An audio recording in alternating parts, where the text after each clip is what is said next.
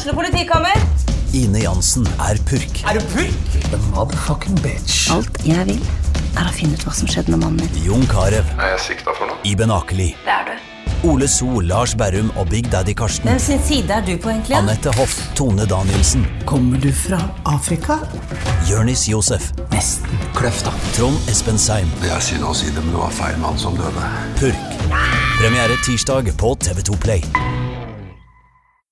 Nei, skal vi um, ta en syk? Yes. Hallo,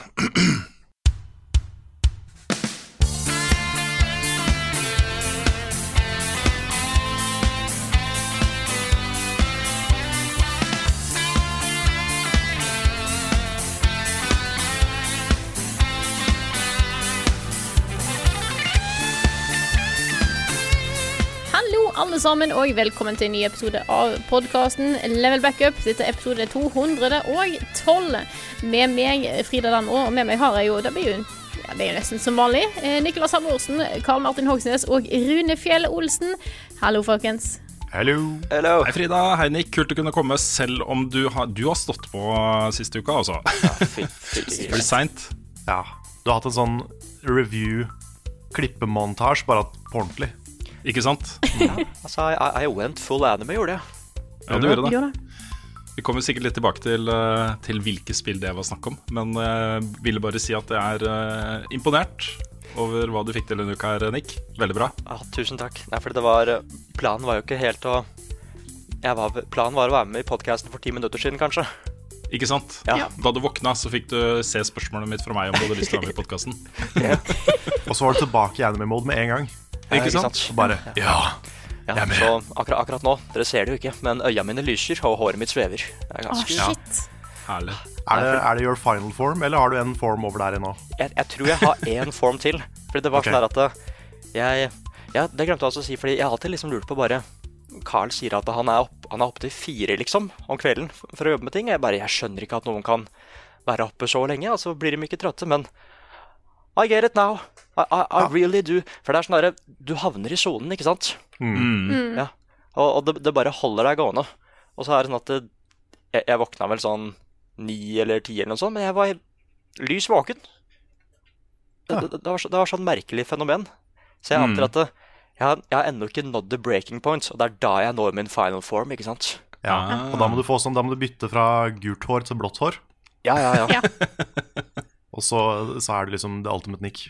ja da, da må det være minst tre embargoer. Ja. Mm. Ja, for det det, er derfor jeg hadde, det er derfor jeg hadde lyst til å greie det. Fordi det var embargo på den samme dagen.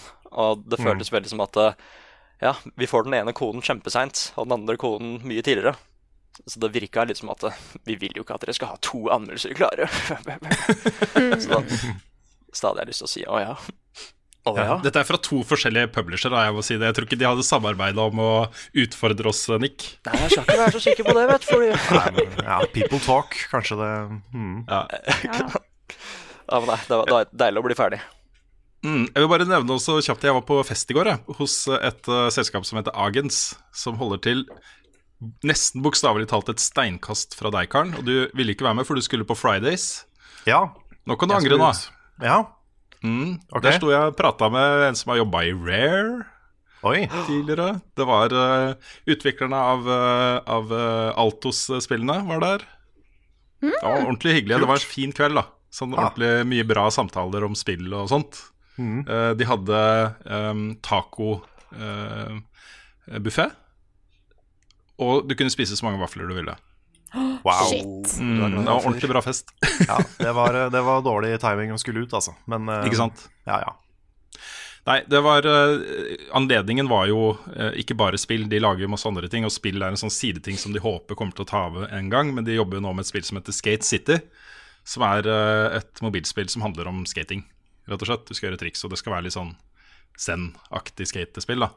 Eh, og det jobber de sammen med eh, Snowman, som har lagd Altos-spillene. Så det var derfor de var der. Men det var også de hadde henta inn en, eh, han som er Chief User Interface Design, og så et eller annet, i BBC. Som er en av de store store designnavnene. Nå husker jeg ikke hva han heter i farta. Men han starta som sånn skate-fantast. lagde fanzines og sånt. Uh, så ble en del av et uh, designbyrå i England som heter Jeg tror det heter Design Republic, eller noe sånt. Som gjorde liksom alle de store, fete tingene på 90-tallet, tidlig 2000-tall. Starta sitt eget selskap, og nå er han liksom sjef for designprofilen til hele BBC. Så han snakka om hvordan de jobba med brukergrensesnitt um, og brukeropplevelse da, på tvers av alle plattformene til BBC. Inkludert det at de nå har skapt og introdusert en ny font som gjelder for hele BBC. Altså, jeg syns sånne ting er litt interessant. da Når han viser fram liksom fonten og hvordan den brukes, så sitter jeg der sånn Hei, det var ganske sexy. jeg har en sånn forkjærlighet for ulike skrifttyper. Det er dritkult, så jeg er helt med deg der, Rune. Jeg skulle gjerne vært på den eh, sjøl, merker jeg. Ja, mm, ja, det var noe, veldig Hvis det er noen som har tvilt fram til nå på om level up er nerds Så det er sånn, Vi snakker om sexy, sexy fonts og sånn. Det, det, er veldig bra. Jeg skrev en artikkel i avisen vår, denne avisen som jeg er med her, om om semikolon. Mm. Om riktig bruk av semikolon. Det, ja, det er bra. Det trengs. Ja, Folkeopplysning ja, kalles det. Det var en grunn til at de måtte skrive den, for å si det sånn. Mm. Vi skal straks videre, men plugge kjapt. Vi har, tok en liten uh, prat på bakrommet før vi starta podkasten om hvor mye vi plugger ting vi skal gjøre snart i starten av podkasten. Vi skal gjøre det mer i slutten. Men vi må jo nevne da at uh, den dagen som den podkasten kommer ut, så feirer selskapet vårt tre år. Eh, og det skal markeres med en uh, seks timer lang livestream som starter da fredag ettermiddag klokka fem. Mm -hmm. Og det varer til klokka elleve, så bare get on it. Det kommer til å bli kjempehyggelig. Yes. Og så da neste helg Ja, sorry. Ja, og så neste helg si... Ja, nei. Mm. Jeg gir opp. Neste helg Neste helg er det Ja? ja. Så skal Karl og jeg til Soter Arena for å være med på Hordaland. Det blir da lørdag 23., så der er det også bare å dukke opp. Vi har ikke nøyaktig tidspunkt ennå, men sånn, det kommer ikke til å bli for tidlig eller for sent, så et sted mellom 12-1 og 5-6, kanskje, vil jeg tro. Ja. Kanskje. Sounds mm. good. Mm -hmm. Vi skal snakke litt mer om det da mot slutten av podkasten. Yes. yes. Så løp og se oss på Twitch nå, hvis klokka er mellom fem og 11.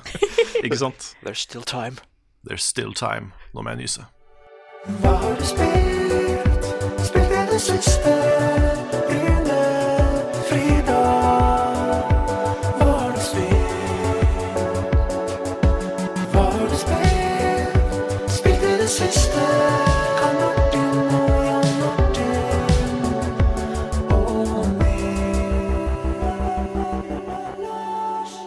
Spillpodkast med spill, spill. Det er det vi gjør. Eh, så jeg tenkte vi skulle snakke litt om hva vi har spilt i det siste. Har du lyst til å begynne, Carl? Jeg kan begynne. Jeg har spilt det veldig populære Battle Royale-spillet som ble shadow-droppa for ikke lenge siden. Oh. Mm. Nemlig Tetris 99. Oh. Du har testa det? Jeg har testa det. Jeg måtte bare, Etter den Nintendo Directen så måtte jeg bare se hva det her er for noe. Ja. Jeg syns det var interessant. Fordi du har faktisk Du kan faktisk se de 99 andre spillerne. Eller 98 andre spillerne, er det vel teknisk sett. Mm. Ja. For de, jo, de omringer jo din eh, Tetris-interface med sånne bitte små versjoner av, av, dem. da. Og du kan også velge deg ut en spiller å sabotere for Oi. mens du holder på. Altså når du får en Tetris, ikke sant? Det heter det, ikke sant? Når du får fire, ja, så får ja, du en Tetris. Ja, det er det, ja. Da, jeg, jeg, er ikke noe god i Tetris, så jeg, liksom, jeg prøver å late som jeg kan det. Men, eh, men du kan da velge med, med, med, med analogstikka hvilken spiller du skal targete med din sånn garbage-bombe eh, av sånne grå blokker som dukker opp. Og du kan jo være utrolig uheldig, for var, jeg begynte en runde og fikk fire på meg. Å oh, nei. Og jeg vet ikke liksom som, om det er random, eller om bare fire stykker bestemte seg for å ta meg. Du kan ikke stoppe det? Nei, ikke som jeg, så vidt jeg skjønte, så kan du liksom Du kan bare velge hvem du vil ta, og du kan se hvem som er på deg. For da kommer det sånn der warning nedi, nedi hjørnet om at liksom noen, noen prøver å ta, sabotere for deg. Eller så var det vanlig Tetris. Ja. Og når det var 50 spillere igjen, så ble det speed up. Okay. Ah. Og det var som regel da jeg døde. Fordi eh, det, det sånn, jeg, jeg, kom sånn jevnlig på topp 50, men sjelden over. Jeg tror det beste jeg fikk, var sånn 30.-plass. For jeg er som sagt bare ikke god i Tetris. Så, men jeg, jeg, er spe- jeg er spent på å se liksom en av dere som faktisk har spilt en del Tetris. Bare se hvor, hvor langt dere kommer. Åh, tenk så intenst det blir da, når det liksom er de ti siste igjen. Ja, ja. Jeg må få Herregud. teste det, altså. Og det er en sånn herre liten sånn påminnelse om at du kan lage Battle royal av det meste. Altså. Av det meste. Så det, jeg synes det var en ganske kreativ idé. Mm. For det er jo straight up et Battle royal-spill. Sånn 100% Dette her er jo sånn eh, Helt sikkert. De, de har bare sittet på et møte og fått ideen for to uker siden, ikke sant? Og så har de allerede koden til Tetris. Alt de trenger å gjøre, er å implementere online-funksjonalitet, ikke sant? Ja. Så bare lager det. Ja, jeg tror, ikke det er en, jeg tror ikke det er en lang utviklingsprosess, det her. Nei. Nei, spesielt siden de gir det ut gratis og greier, så Ja, sant. Og så er det bare den ene moden, da, foreløpig. Ja. Mm. Så du har, du har eh, liksom I menyen så har du config, og så har du play. Og det er det. Så det er liksom det er, på, det er ingenting annet, men det er det, da. Men det funker. Ja. Så er det lootboxer hvor du kan lage nye skins til eh, brikkene. Ja, du kan få sånne her blodblokker og sånn. Ikke sant? Ja. Og gold blocks, nei, det er ikke noe, det er ikke noe lootboxer. Så det er helt gratis, bare å laste ned. Mm. Det ble shadow dropped i går etter Nintendo Direct. Mm. Som vi sikkert Det er kun tilbake. Switch, ikke sant? Ja. Så vidt jeg har skjønt, så er det bare Switch. Ja. Ja, Det er mulig vi kommer tilbake til den Nintendo Directen, for det var kanskje et par andre ting som ble annonsa der, men det kan vi jo spare til nyhetsspalten, kanskje. Ja. Åh, det ene spillet der, ass. Uff. Uff, mm. jeg sier. Ja, to av de spillene er for min del. Ja, ja same. Men, eh, men ja, ellers har jeg spilt mest ting jeg har spilt og prata om før. Så um, der kan en av dere ta over. Ja, Nick, du har vel spilt litt i det siste? Nei, ikke så mye. Selv om det var Game of Thrones, så Det var jo derfor jeg ville gjerne at du skulle komme òg. Fordi eh, du har jo spilt to spill som ikke har blitt lansert ennå. Det er jo alltid litt eh, festlig å ha også Når podkasten er ute, så er jo spillene ute også. Men det er jo litt festlig å kunne snakke om de spillene nå, ikke sant? Ja, det ene er da Crackdown 3, og det andre Mhm. er Jumper Force. Jump Force. Mhm. Og jeg veit ikke hvor mye jeg skal si, for jeg Ren, det er jo to anmeldelser ute nå. Men uh, det er uh, også en ting som var at eh, jeg, jeg visste at det, det var mulig å få de to spillene klart før embargo. da. Jeg veit at det, Cracktown er ikke et sånn stort historieheavy spill. Der handler det liksom bare om at du skal løpe rundt, ha det skikkelig gøy, ikke sant? sprenge alt som er, og ja, servere justice, as they say. Ja, Med- med med- Terry Cruise. Ja, med Terry Cruise. Ah, det, det blir så gøy hvis vi skal spille det på streamen, fordi den introen til det spillet der, hvor han liksom skal forklare hva planen er Vet du hva, Det er noe av det morsomste jeg har sett. Ja, Det var det- så, det var så gøy. Han, han er så inne i det òg, vet du. These Ja, ja, sons of bitches gonna black out the world! No, no, no, watch! Han, men det, det skjer mer i den, i den scenen, som jeg ikke skal spoile. Okay. Men nei, så det er, det er bare Det beste i det spillet er at du bruker bazooka og sprenger ting, og du bare hører han i bakgrunnen. Ja, boom, shakalaka. Han bare Han, han han bare kjempefett, ikke sant? Åh. Ah, så det er veldig gøy. Mens uh, Jump derimot, det, det er sånn ultimat Nick-spill. Men det er også Mm. veldig sånn Det er ikke det er ikke for at det skal ha dyp fighting eller noe sånt. Det skal bare være et sånt fight fighting partyspill, ikke sant? Mm. Det skal bare se veldig fett ut. Og jeg er så fornøyd med det spillet fordi de har håndtert alle karakterene så bra. Ah, det, det er sånn vi, vi får så sjelden de spillene her i Europa, ikke sant? Mm. Så det er veldig rart å se at det er karakterer fra f.eks. Hunter x Hunter og Rurona Kenshin og ja, Jojo's Bizarre Adventure, ikke sant? At det er de karakterene i et spill i Europa, og at det faktisk er bra, da. Mm. Men uh, skal jeg bare si hva jeg ga begge spilla? Score, liksom? Jeg, kan Jeg tror det er greit. Ja, jeg ga Ja. Crackdown 8 av 10. For det er uh, De har brukt veldig mye tid til å liksom forbedre gameplay som er til, fra spill nummer én, og kasta en del som ble eller introdusert i spill nummer to, da. For det spillet var Mm. ikke sånn superbra. Men det er veldig lite som er nytt der. Men det som er der, er veldig bra, da. Derfor ga det 8 av 10. Mens uh, Drumforce ga jeg 7 av 10, fordi det er det er en greie med at det er ikke et sånt veldig komplekst fighting-spill eller noe sånt. Og Historien der er noe av det mest Historien er så sløv. Det var sånn at ja, vi, vi skal Alle disse karakterene er i det samme spillet, og vi får vel bare ha en story, da. Det, det er veldig sånn bare at du er slem. «Åh, Jeg er det. Skal vi slåss, da? Ja, OK. Og så Ok, Kan jeg, kan jeg spoile det jeg likte best i den anmeldelsen, eh, Nick? Er det greit? Ja, ja, ja, det er greit. Ja. Hvor du sier at uh, det er, historien er basert på at dere har et møte på morgenen. hvor Vi må ha en historie klar før klokka fire! Ja, Ah, fordi det, det er sikkert sånn. Ja, det er akkurat sånn. Ah, det er for eksempel det er, en, det er to scener spesielt jeg ikke tok med anmeldelsen, for det var Det er veldig morsomme scener. Og det er at det er uh, Den første er at vi skal jakte på en sånn der eh, En sånn slem samurai da fra serien Ruron og Kenshin. Og de står rett ved siden av han, og han bare sier sånn Å, dere prøver å snike dere opp meg, hæ? Og de bare står der. Og de bare står der. Å nei, han oppdaga oss! Og samme er at du liksom En eh, superbad guy fra Dragon Ball heter Freeza, ikke sant? Men han driver og ødelegger San Francisco. Det er dårlig stemning, rett og slett, så da sender de min Jump Force for å ta han, ikke sant? og de slåss litt, og han bare sånn Ja, jeg ser at dere er for mye for meg, så ja, vi, vi får snakkes en annen dag, så bare går han. Og det, er, det er min favoritt-trope fra an anime-ting og japanske spill og sånne ting.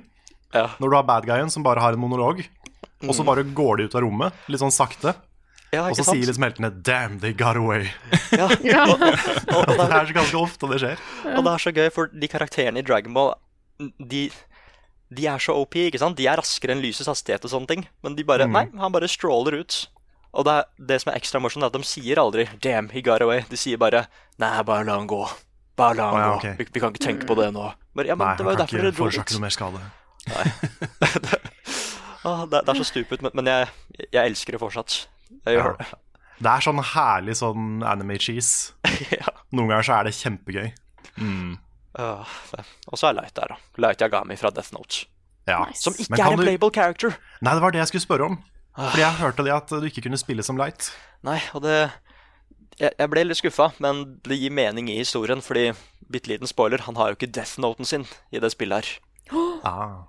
Så gjennom hele historien prøver han å få den tilbake igjen, og det er litt morsomt. Han kan jo liksom ikke slåss heller, egentlig. Nei. Nei, ikke sant. Det, altså, han går bare rundt og spør karakterene bare 'Halla, har dere sett noe til den En sånn der eh, sort notisbok, eller?' hva er den til?' Nei, nei, ikke noe særlig. Jeg bare mista den da vi kolliderte universer og sånn. Ah, ok, Ja. jeg skal se om jeg finner den. Det, det er sånn Han bare er i bakgrunnen, og kanskje han, kanskje han gjør noe sprell i historien. Altså, jeg vet ikke. Det er jo Light vi snakker om, ikke sant? Det er jo det. Men ikke noe Fullmetal Alchemist. Nei, ikke noe Full Metal Alchemist. Så det, det, det var litt dumt, men de har sagt det at det skal komme en del DLC-characters, da. Så det er jo ikke umulig at de dukker opp. Jeg synes det er bra at de valgte med å ha eh, Eller det er bra, de burde jo uansett ha med karakterer fra Jojo. De er jo perfekte til dette her. Ja, ja, ja. Ah, nei. Det er til og med serier som jeg ikke visste om engang. Det, det er veldig kult. Damn. Så det, så Ja, det var det. Det blir spennende, spennende å se. Jeg er litt nysgjerrig på å se Jump Force sånn i bevegelse. Jeg har sett anmeldelsen din, men, eh, men å se det liksom på, på skjermen, Mm. det gleder jeg meg til. På, på, på, på fredag i dag, for dere som hører på podcasten i dag og kan gå inn på Twitch og se på. Ah, Twitch TV slash Level Up Nord. Yes. Nice Be plug. there. Jeg tenkte jeg skulle si når vi først snakker om det, så jeg har ikke fått spilt så mye i det siste. Jeg har mest fordi at jeg har drevet og fiksa en del ting til streamen i dag. Så eh, det er bare å glede seg. Det er litt sånn surprise. Ja, det er litt nye ting. Jeg håper veldig at alt fungerer, for vi har noen tekniske problemer der. Ja, Men eh, forhåpentligvis så er vi i mål. Men 90% vil jeg påstå, nesten, er good.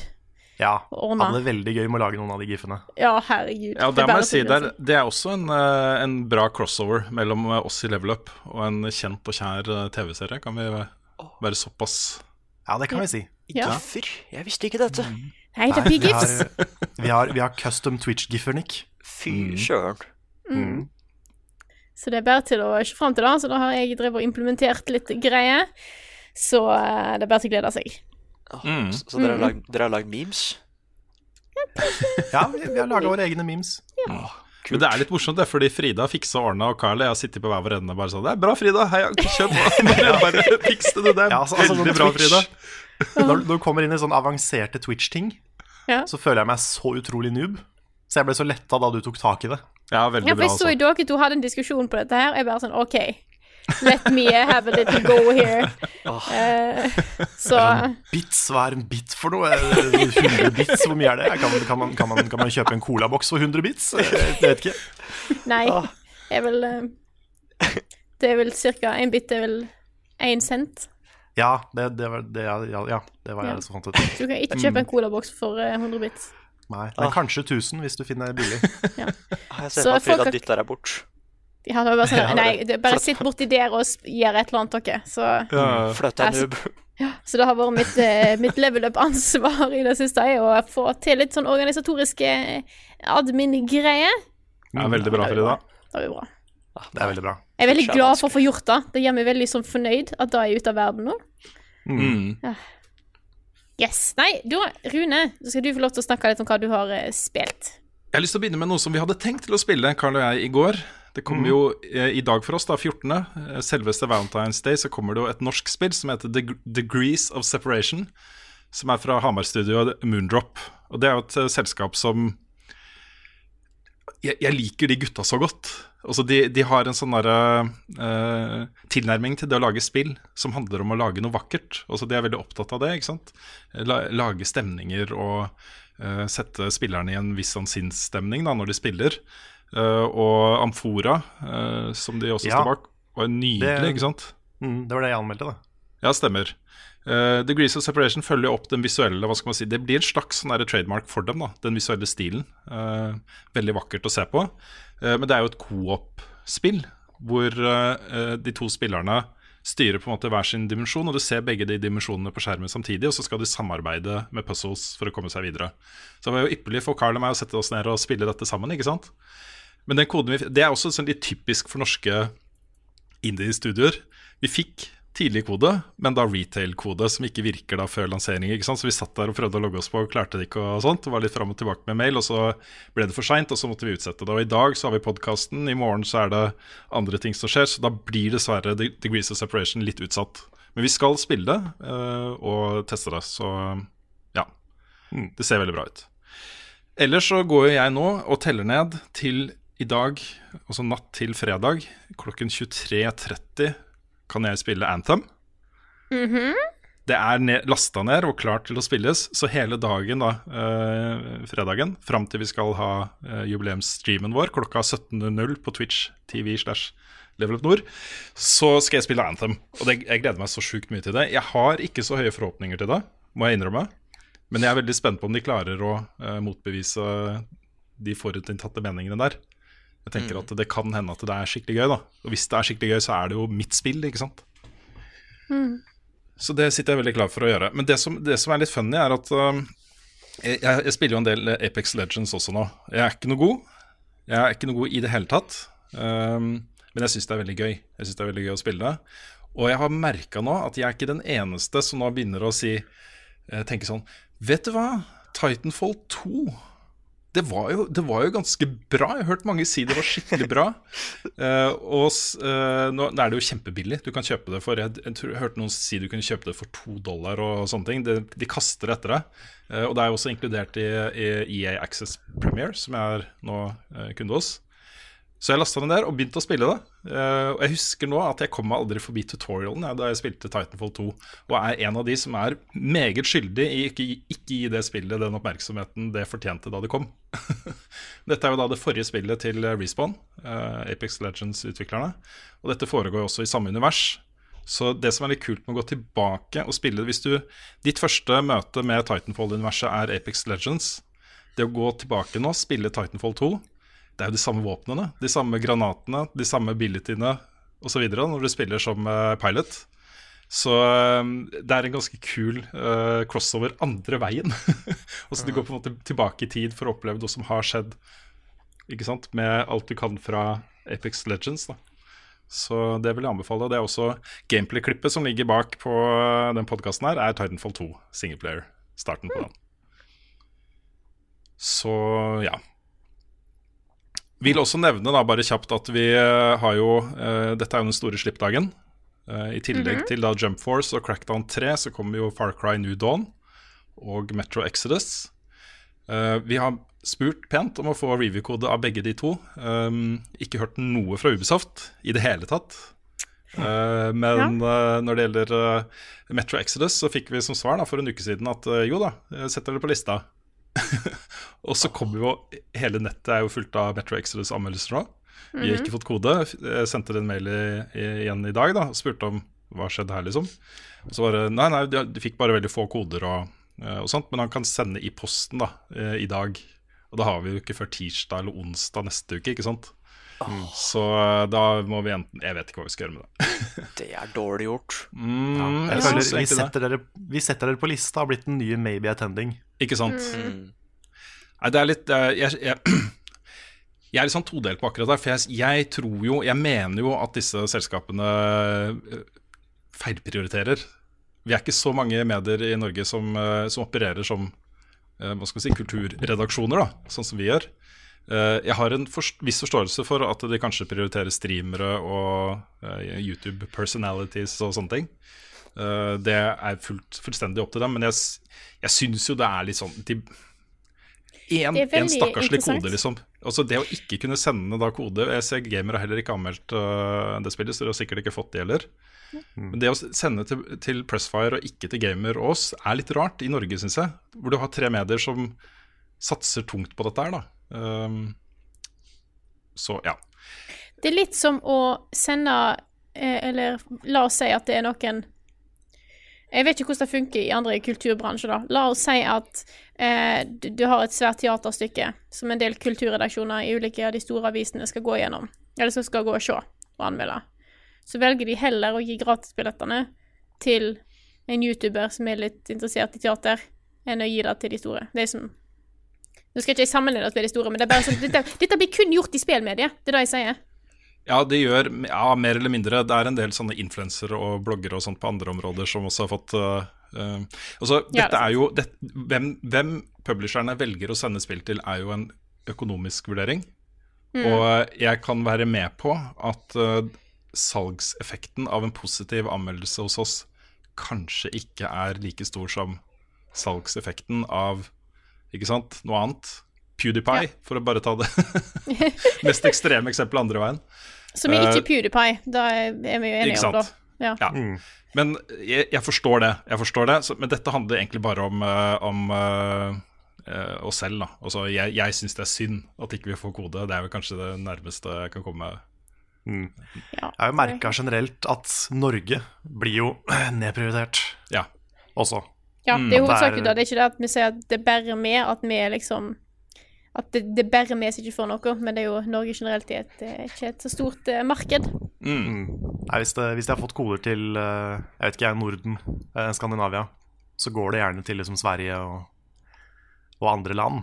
Ja, men sånn som i Sverige eksempel, så er spillpressen mye tyngre. Også den, der har de flere som satser på dette her. Eh, Aftonbladet har jo tung og flott satsing på spill fortsatt. Eh, I tillegg til det finnes masse andre ting, da. Så uh, Norge er en litt sånn miniputt i den sammenhengen, og jeg skjønner det også. Men god damn it, altså. Ja. Ja. Ja, vi, vi vokser ikke av å være seint ute.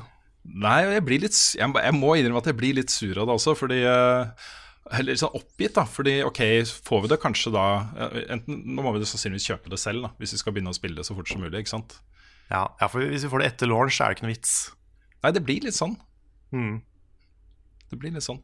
Så um, nok om Det var det. et innblikk i ja. eh, hverdagen vår. altså. Ja, For å runde av på en litt sånn positiv eh, note, så vil jeg bare si at Titanfall 2 er megabra i singleplayer. Over, også, det burde ikke være overraskende bra. Eh, De tankene jeg hadde da det kom, var litt sånn Ja, ja, Titanfall spilte jo Jeg likte jo Titanfall 1, men trenger jeg Titanfall 2? Eh, Nei, vi får spille noe annet i stedet. Det var litt på det nivået der, ikke sant. Men det er, det, de tingene det har gjort med singleplayere, er veldig gøy, altså. Det er ordentlig morsomt å spille, og den tonen som oppstår mellom piloten som du styrer, og den Titan som eh, du etter hvert får eh, kontrollen over. Det er så fett. De har sånn dialog seg imellom hele tiden. ikke sant? Og på et eller annet vis så bygges det opp et slags sånn personlig forhold mellom de to. da. Men Titan har jo en personlighet, men det er jo ikke et, også, det er jo ikke et ekte menneske eller også en skapning. Det er jo en robot, ikke sant? En AI. Men eh, det føles veldig nært og, og flott allikevel. Så um, de har fått til noe veldig veldig bra der, og jeg er glad for at jeg satte meg ned med det igjen. Ukens anbefaling. Hva skal jeg finne på? Ukens anbefaling. Hva skal jeg finne på? Ukens anbefaling. Hva skal jeg finne på? Ukens anbefaling. Dagens anbefaling kommer Eller det blir uken, så egentlig. Men anbefalingen kommer fra Rune. Yes, jeg vil anbefale en eh, TV-serie som jeg virkelig anbefaler dere å se på. The Promised Neverland. Nei, jeg ville bare nevne kjapt at jeg har begynt å se den, jeg også. Jeg har sett bare første episoden nå. Uh, og jeg var litt sånn ekstatisk, fordi det er jo så meg, ikke sant. Dette er så god historie. Jeg fikk masse sånne bilder i hodet av hvor det kommer til å gå og alt det der, da. Så forteller jeg om dette her til kona, og så blir hun litt stille, og så sier hun Det her er jo plott i den boka som heter Never Let You Go. Det er visst en bok. Som også er skrevet av en japansk eh, slash amerikansk forfatter, tror jeg. Som er eh, helt, Det er samme plottet, men ikke uten monstrene. Men det er ja, samme okay. plottet. Ok. Så jeg vil bare nevne det. Jeg tror det er en bok som kanskje faller i smak for mange, det også. Men det jeg egentlig skulle anbefale, fordi det kom jo en nyhet i uka som gikk som jeg ble veldig, veldig veldig glad for, og det er at Deadwood-filmen, avslutningen på sagaen om Deadwood, kommer nå snart. Hvert øyeblikk. Den er ferdig, den er i postproduksjon. eh, og den kommer jo på HBO og blir bare sluppet nå en dag. Det kommer til å skje i starten av eh, 2019, sa de, og det betyr jo hvert øyeblikk. Plutselig så er den her. Og det er jo noe som alle som har sett de tre sesongene som kom av den serien, har gleda seg til som noen barn, ikke sant? siden det ble kjent at de faktisk skulle lage den filmen. Altså Three seasons and a movie, guys. så, um, eh, så da har jeg begynt å se opp igjen Deadwood. Fordi det er så mye plott der. Så mye ting som det er greit å ha eh, friskt i minne da, når man ser den filmen. At jeg ville, det, Min anbefaling er en, uansett om du har sett den før, eller om du eh, ikke har sett den før, så bare se den nå, og så vær klar til den filmen. Det, her, det er så bra. Det er så bra, særlig Særlig eh, eh, skuespillerprestasjonene. Og da særlig Al Swearingen, som spilles av Ian McShane. eh, og eh, Seth Bullock, som spilles av eh, Timothy Oliphant. Jeg syns det er så kult etternavnet hans. Oliphant.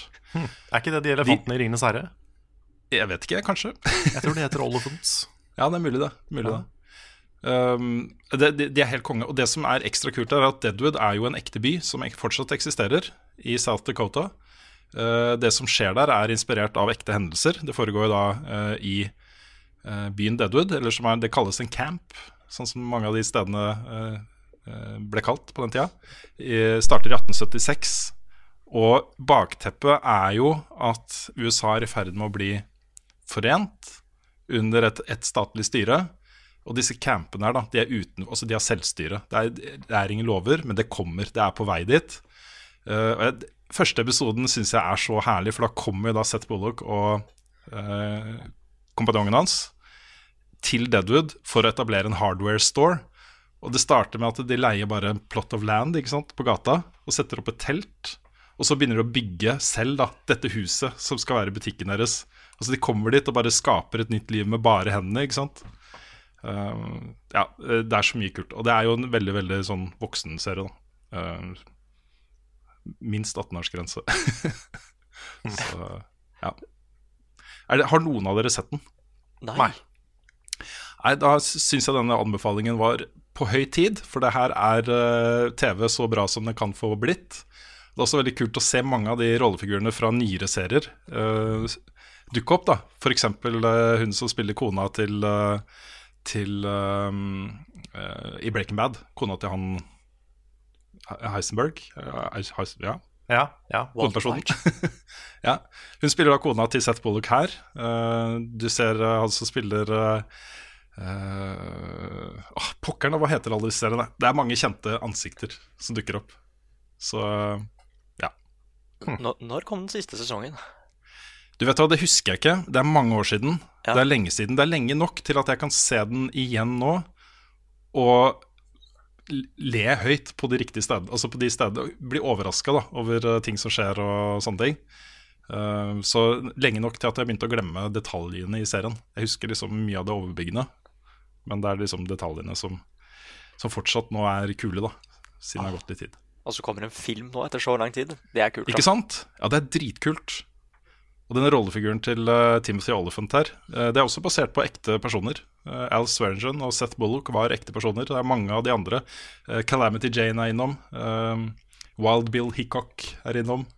Altså historiske personer, da. Men det er jo da fiktive historiske Altså det som skjer med dem, det er ikke alt det som skjer, skjedde i virkeligheten. Men det er en sånn gjen, gjenskriving av Eller nyskriving av historien, på en måte. Hmm. Så, men Seth Bullock han, er jo, han var jo Marshall eh, før han flytta dit. Og han har et sånn derre innestengt raseri. han er liksom På overflaten er han lugn, ikke sant? men inni han så bare raser det, og det slippes løs innimellom. da Det er ofte de sekvensene som man husker best fra den serien også.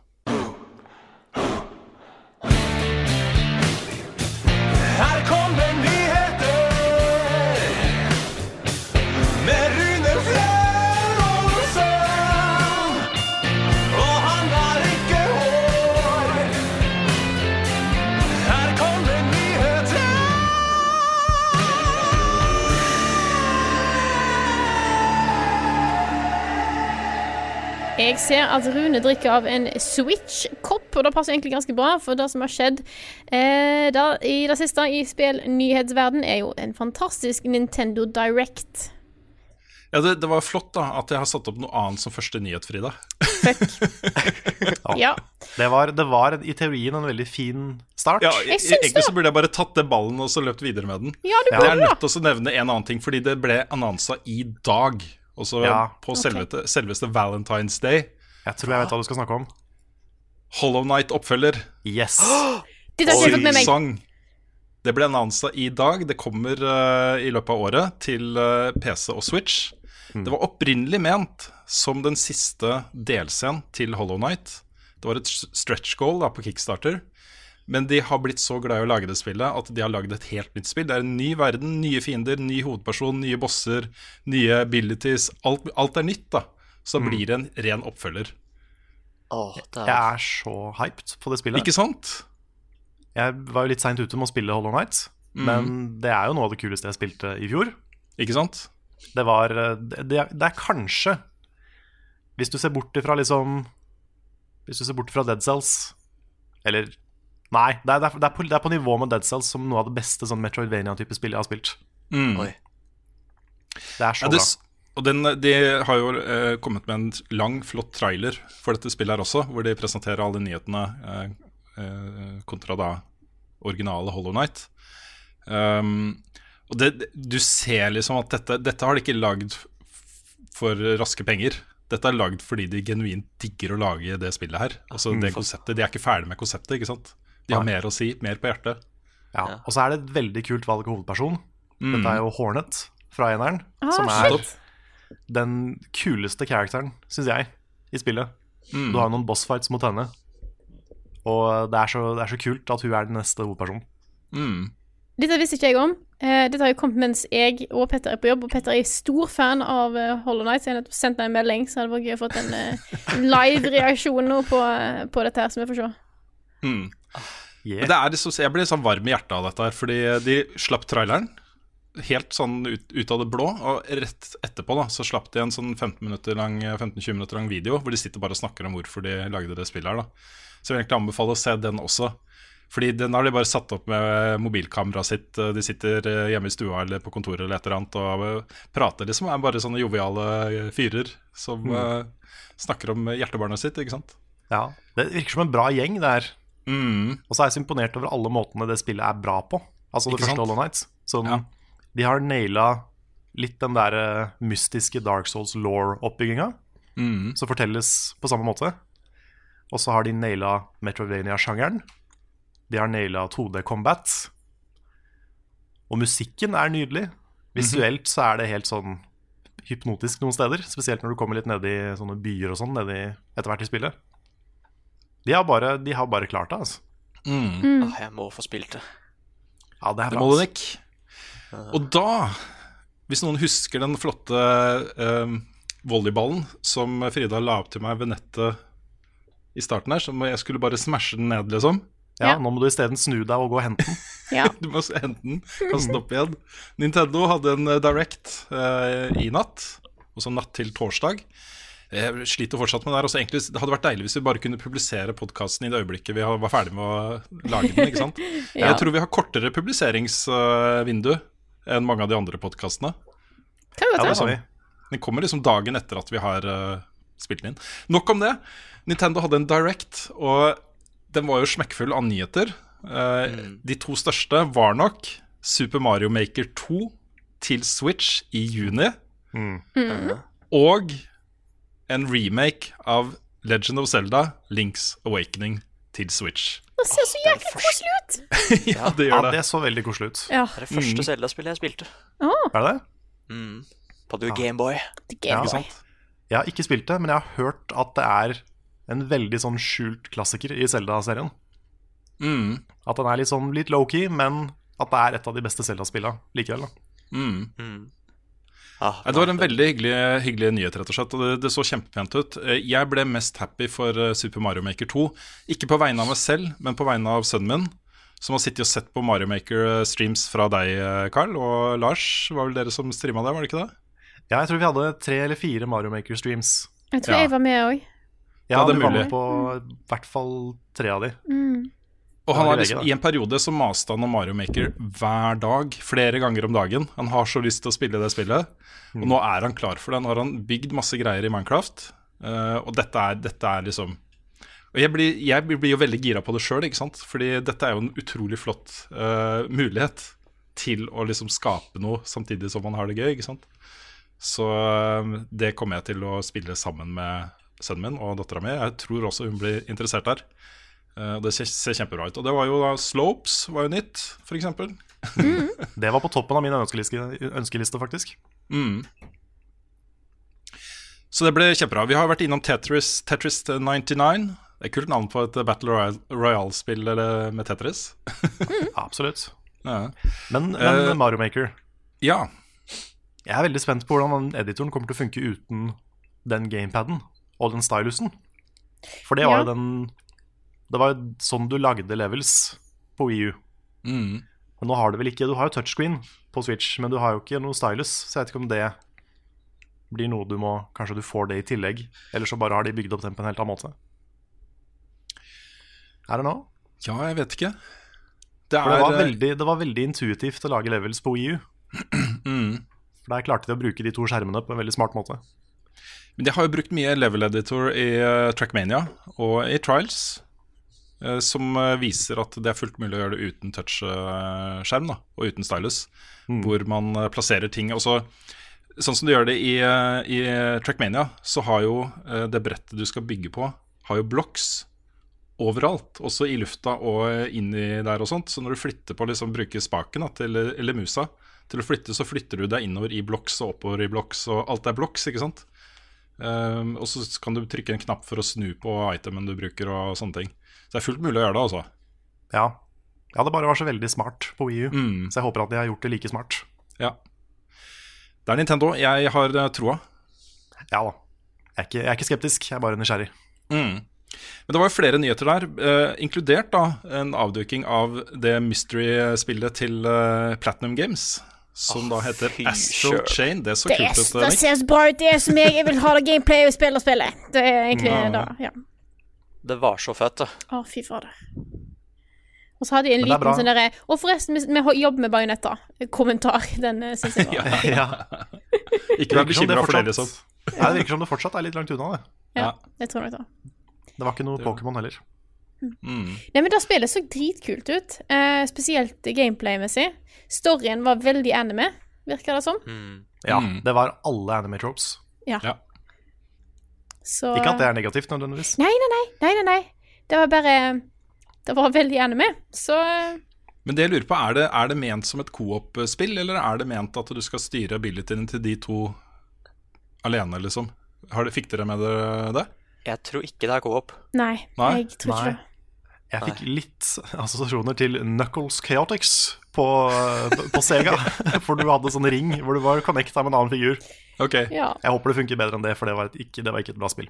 ja, nettopp. Ah, men nei, det er, det er sånn derre ah, Jeg digger Platinum, fordi de har alltid sånn der smooth action, ikke sant? Men det som er så veldig kult på det spillet, var at uh, du har jo en sånn companion, ikke sant? Og animasjonen var så, det var så veldig seamless. Altså, det så ut som én svær bevegelse hele tiden. Så jeg er bare utrolig spent på ok, har du kontroll på den. Er det en ting som bare blir kontrollert av en computer, liksom? Altså, så jeg bare ser for meg potensialet her av bosser og sånn, da. Mm. Åh, ja. Og bare hvor, hvor stilig den combaten der kan bli. Mm. Åh, meg. det- Jeg må Det- nesten hoppe litt videre, for det, er så, det var så mange nyheter der. Ja, uh. Eh, så jeg hopper kjapt videre. Fire Emblem Three Houses kommer i juli. Ja. Nå er, nå er det bra vi har med deg, Nick, fordi jeg er spent på hva du syns om det de viste. My god! So good! Det er sånn der, Du er jo Karakteren du styrer, er jo alltid en sånn derre Du heter egentlig The Tactician, men her så er du The Professor eller Teacher, ikke sant? Mm. Men det, det, det minner meg veldig om sånn Litt om Game of Thrones, egentlig. Fordi det er jo tre Det er jo three houses, ikke sant? Og det er en sånn konkurranse mellom de, men det er også en trussel et eller annet sted i verden her som blir ignorert, da. Og det at vi fikk vite navnet på den der ene jenta, det er også ganske viktig. Fordi igjen, det er jo den der med at det er forskjellige dimensjoner og universer i den serien. Og dette ser ut til å være en sånn derre kobling, da. Dette, er liksom kjernen av det. Fordi det ser jo ut som at det er ja, en sånn helt vanlig medieval setting, men så er det et eller annet uh, super magic fantasy i det òg, da. Så jeg er sykt spent. Og så var det noen sånne Og så var det noen sånne jeg- geeka litt ut av bare sånne små mechanics, ikke sant. Bare Åh, hun kan bruke sverd også! Og ikke bare øks! Nei, gud, gud, but, hva, hva kan de andre gjøre da, liksom? Altså, det, det er sånne småting. Mye mer customization og sånn. Ja. Og så jeg kunne du velge, du kunne velge hvilket house du ville være, kunne du ikke det? Ja. ja fordi jeg, jeg liksom uh, jeg, jeg holdt på å si at jeg er jo glad i gul fargen, men kanskje jeg jeg, jeg, jeg kan bare historien til hun jenta, ikke sant? Ja. Og det, det virker veldig spennende. For hun er litt sånn underdog i den familien. Så bare, ja, Ja, for jeg hadde mest lyst til å være dama, mm. merka jeg. Var- For det jeg, er så, det jeg er så spent på, er at det, Kommer du liksom bare til å være låst fast til det huset, eller er det mer at du går litt sånn fram og tilbake på det? Fordi det, det så litt sånn ut i historien, da. At eh, de konkurrerer mot hverandre, men de hjelper hverandre òg, ikke sant? Mm. Så, så, jeg- så jeg er litt spent. Er det liksom tre campaigns, eller er det bare én svær en? Nei, så det jeg, I'm pretty hyped, you know. Jeg hopper videre, hvis det er greit. Ok. Ja. Vi fikk se en del fra Yoshis eh, Crafted World, som kommer nå snart. Eh, det, for så vidt ikke så mye nytt, men det var gøy å se liksom, spillet in action. Det er en sånn Ser ut som en kvalitets-Nintendo-utgivelse. Mm. Det ble også sluppet, rett etter Directen, en gratis co-op DLC til eh, Captain Toad, Treasure Tracker. Så du kunne bare laste ned, da, så fikk du plutselig co-op på alle brettene i det spillet. Det er også sånn Yay! jeg har savna det. Eller jeg vet ikke om jeg savna det, men jeg har tenkt ofte, da. For jeg har spilt mye Treasure Tracker eh, her hjemme. eh, Og tenkt at det hadde vært så gøy, og spilt det i co-op. Og så kommer det bare i co-op. Det er nydelig. Eh, til høsten så kommer Definitive Edition av Dragon Quest 11 og gir oss en ny anledning til å faktisk anmelde det spillet, Karl. Jeg satt og tenkte på det. Det er, mm. det er et par, merker jeg, i kommentarfeltet som er litt sinna for at ikke jeg har gjort det. Ja. Det var, det var litt vanskelig å få tid til det i fjor, men Mm. dette er en bra anledning til, til å gjøre det. Ja, så det vil da være en uh, rework av versjonen av hele spillet, uh, som Mm. det virker som. Og det kommer uh, eksklusivt til Switch. Ja, for det skulle være, det skulle være ny, nye character stories. Mm. Det skulle være ny musikk. Du skulle kunne spille fights i fast motion, Mm. som alltid er fint i et grindy JRPG.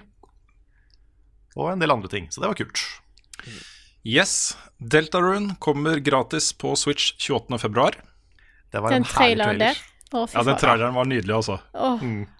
Det er mulig at jeg har lagt den eh, til side som eh, potensiell intro til spilluka neste uke. Ja, men det er bra. Det er bra. Mm, Den er perfekt. ja, det var veldig morsom. Jeg elsker det når det blir sånn meta og sånt. Det er eh, veldig, veldig morsomt. Ja, trailerne til Toby Fox er, de er fine. Mm. Det, det var så gøy òg, fordi ja, første kapittel er gratis. De andre er ikke, da. Nei. Men det her var vel egentlig første gang vi fikk en confirmation på at det jobbes med mer. Ja, ikke Ja. sant? Absolutt. For det, Det ble liksom, det sto chapter one og greier, liksom. Så Ja, Ja, men det, det, står, det står more det gjør chapters det, in development. Uh, will Ja, not be free. Og det er første gang han faktisk har nevnt at eh, For at han har jo sagt han vil lage flere. Første gang han faktisk Mm. skriver at han lager flere. nettopp. Mm. Mhm. Final Fantasy 7 og 9 lanseres på Switch. Mm. 9 er ute allerede. Nettopp. Det kom rett etter Directen, det også. Det gjorde det. Mm. Eh, og så da det kjente spillet Boxboy, som alle kjenner alt om og har spilt masse av og har eh, skikkelig nært og varmt forhold til. Kjente ja, klassikeren Boxboy. Det er noen som er veldig glad i Boxboy, men det er, Ja, men jeg, jeg hadde mange ikke det hørt om det spillet engang. jeg. Nei, det, er, det har vært ganske mange spill. Ja, ok. Tror jeg. Eh, Det får i hvert fall en ny, et nytt spill, da. Eh, En oppfølger. Boxboy and Boxgirl. Mm. Coop. Yay. Eh, Det er litt så rart at jeg ikke har hørt om det, fordi eh, den traileren så kjempebra ut. Eh, Ordentlig Mm. bra sånn puzzle-spill. Så De har gjort den veldig typiske tingen med liksom Hvordan lager vi en jente? Vi putter på en sløyfe. Ikke Ja. sant? Mm. Den er litt sånn ja, OK, sure. Han funker, da. Det er ja. Ja. Det så koselig det. Ja. Mm. Og så Den siste som jeg har satt opp, er, eh, var ink inkluderingen av en del Fordi det er litt funny eh, Ikke funny, det er feil ord. Det er eh, interessant at Switch blir så omfavna av eh, publishere og utviklere nå. Eh, konsekvensen av det er at vi ser spill på Switch som vi ikke så på de forrige konsollene til Nintendo. Og selv før det, på GameCube, så hvis de først fikk liksom sånn tredjepartsspill, eh, multiplattformspill på Switch, så var det gjerne en egen versjon som var lagd av et annet team, bare basert på samme konseptet, ikke sant. Eh, nå kommer det ene etter det andre multiplattformspillet på Switch, og ting som man ikke forventer å se i selskap med Yoshi og Mario og sånt. Eh, inkludert nå da Hellblade kommer på Switch. Mm det. Dead by Daylight kommer på Switch. og eh, Assassin's Creed 3 kommer på Switch, remastered. Var det noe som skjedde med min stream der? Eller var det utrolig dårlig framerate på de Assassin's Creed 3-klippa? Jeg la ikke merke til Ja, eh, dårlig framerate. Når, men- når du nevner det Ja, for jeg, det var det første jeg tenkte sånn Oi, det her så skikkelig crap ut. Ja, stemmer det, når han løp av de taka og sånn. Ja, Ja, stemmer det. Så jeg håper det var videofootage og ikke sånn spillet funker. Ja, for da kan de like så godt la være. Hvis det, Ja, hvis det er liksom to altså. frames i sekundet, så kan man kanskje la være. Da er det ikke Ja, så det viktig var- å få det. Det var sånn below unity, liksom. Så ja, nei, men det, det, Poenget her er jo rett og slett bare at med alle disse utgivelsene her, uh, og liksom uh, Betesta-spill og sånne ting, liksom, så er det er lettere å kunne si at hvis du er interessert i spill, så kjøp en Switch. Man trenger ikke å ta forbehold om at ja, hvis du er glad i sånne svære blockbuster-spill eh, lagd i Vesten, liksom, så er kanskje ikke Switch den beste plattformen. Vi trenger ikke å si det lenger, ikke sant? Nei. Ja, det er fortsatt ting som Red Dead og sånn, da. Men Ja. men ja. Ja, men, ikke sant Greit, jeg, jeg, er ferdig med Direct Så hvis ikke dere hadde noe å legge til der Så går jeg videre Vi så et par sekunder av Joker. Ja. ja. Vi så Ja, stemmer det. ja, ryggen til Joker. I slutten, i løpet av april, var det ikke? Før utgangen Jo. av april? Jeg fikk en prediction. Uh, den viste seg å ikke stemme. Ja. Men jeg har fortsatt et håp, da. Fordi de, de viste jo det derre Disney Tsum Tsum-spillet. Ja, det glemte Ja. jeg å nevne For det så kjempegøy ut Ja, og det er jo sånn der eh, Litt sånn rar japansk toy-brand, ikke sant? ja. Ja. Så tenkte jeg ok, de har dedikert tid til et Disney-spill. Er dette her en del av en avtale for å få Sora i Smash? Oh my god. Det tenkte jeg, men det skjedde jo ikke. Nei, Ennå, i hvert fall. kan fortsatt skje Enda, enda. Kan skje. Kan Kan skje. skje Ah, men jeg er eh, Jeg er litt sånn usikker på den der Smash-updaten, altså, for de skal nerfe my boy Pikachu. Oi. Skal det? Ja, så Oi, uff, jeg sier. kanskje det går an å vinne mot Nick, da. In your dreams, Carl, Da finner jeg noe annet isteden. Ja, Ja. ikke sant Nei, da, da går vi videre Ja. Eh, Så foreslår jeg at vi tenner et lys for stakk, stakkars Activision Blizzard Som bare gikk med 15 milliarder kroner i overskudd i fjor ja. Og som derfor blir nødt til å si opp 800 ansatte Altså, Da kan de ikke Da, kan de jo ikke, da har de ikke råd til den 18. yachten sin. Nei, men vet du hva? Hele den saken her er jo stygg. Altså, den saken her representerer jo eh, alle fordommene som folk har da, mot big business i spillindustrien. Dette er, handler om kroner og øre. That's it. Det handler om bonuser til sjefer. Det handler om uh, inntjening Investorer. til aksjonærer. Ikke sant? Mm. Uh, det handler ikke om mennesker. Det handler om uh, penger. Vi så en tweet om at ansatte i Blizzard sto i parkeringsplassene og grein og ga hverandre Mm. klemmer, for ingen av de visste hvem som kom til å måtte gå. ah, Og det er litt nei, sånn, en da- ting er jo, Når du ser på liksom Ja, de har overskudd, hvorfor sier de opp folk? Men det handler jo bare om at jeg tror ikke de har noen store utgivelser for 2019. Jeg tror de har sagt Jo da, de, har, eh, de, de, sa En av de tingene de sa på den der earnings-callen, som dette jo var, altså en samtale eller en, eh, en, eh, et opplegg for investorer, basically, så sa de jo at årets Call of Duty-spill ser ut til å bli det beste noen gang, så de har i hvert fall Call of Duty.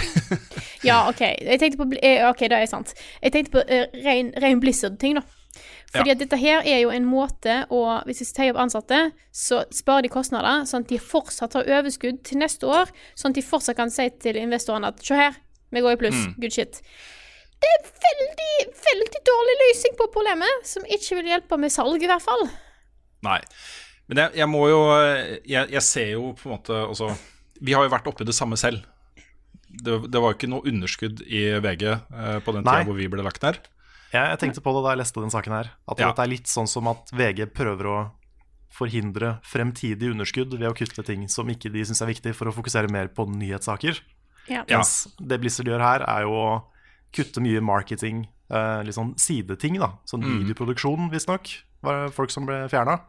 For å etter hvert ansette flere utviklere og lage flere spill. Ja, for utviklingsavdelingen her er- ja, altså Utviklingsavdelingene er ikke berørt i det hele tatt, etter sånn som jeg har forstått. da Det er mulig at Nei, det da er noen sånn omorganiseringer og sånne ting, men målet er jo å lage flere spill. Eh, Så det de har kutta i, er jo De har jo gjort en vurdering på hva Activision Blizzard skal drive med, eh, og nedprioritert f.eks. e-sportavdelingen. Ikke så rart. Det var jo eh, Amy Morhaime, kona til sjefen for Blizzard, som slutta, begge to slutta nå i fjor, høst som leda denne avdelinga, så e-sportavdelingen er kraftig kutta ned. Uh, High Moon Studios, som har jobba mye med Destiny, uh, har fått store kutt. Hele marketingavdelinga som jobba med Destiny, er enten sagt opp eller flytta til andre avdelinger. Så de har jo skrelt bort ting som som de tenker at de ikke skal drive med. og det er jo 8 av staben som har fått sparken nå. Det er fortsatt liksom 92% av det, de blir jo igjen der. Så det, er, det sier jo også litt om hvor stort det selskapet er. ikke sant? Og det at man det at man slanker organ en organisasjon som er så stor, og begynner å tenke på hvordan man skal prioritere, er ikke unormalt. Ikke Nei. sant? Men det, det er den derre 15 milliarder overskudd. Det høres fælt ut. ikke sant? Det høres skikkelig fælt ut, og det er jo 800 menneskeskjebner det er snakk om. ikke sant?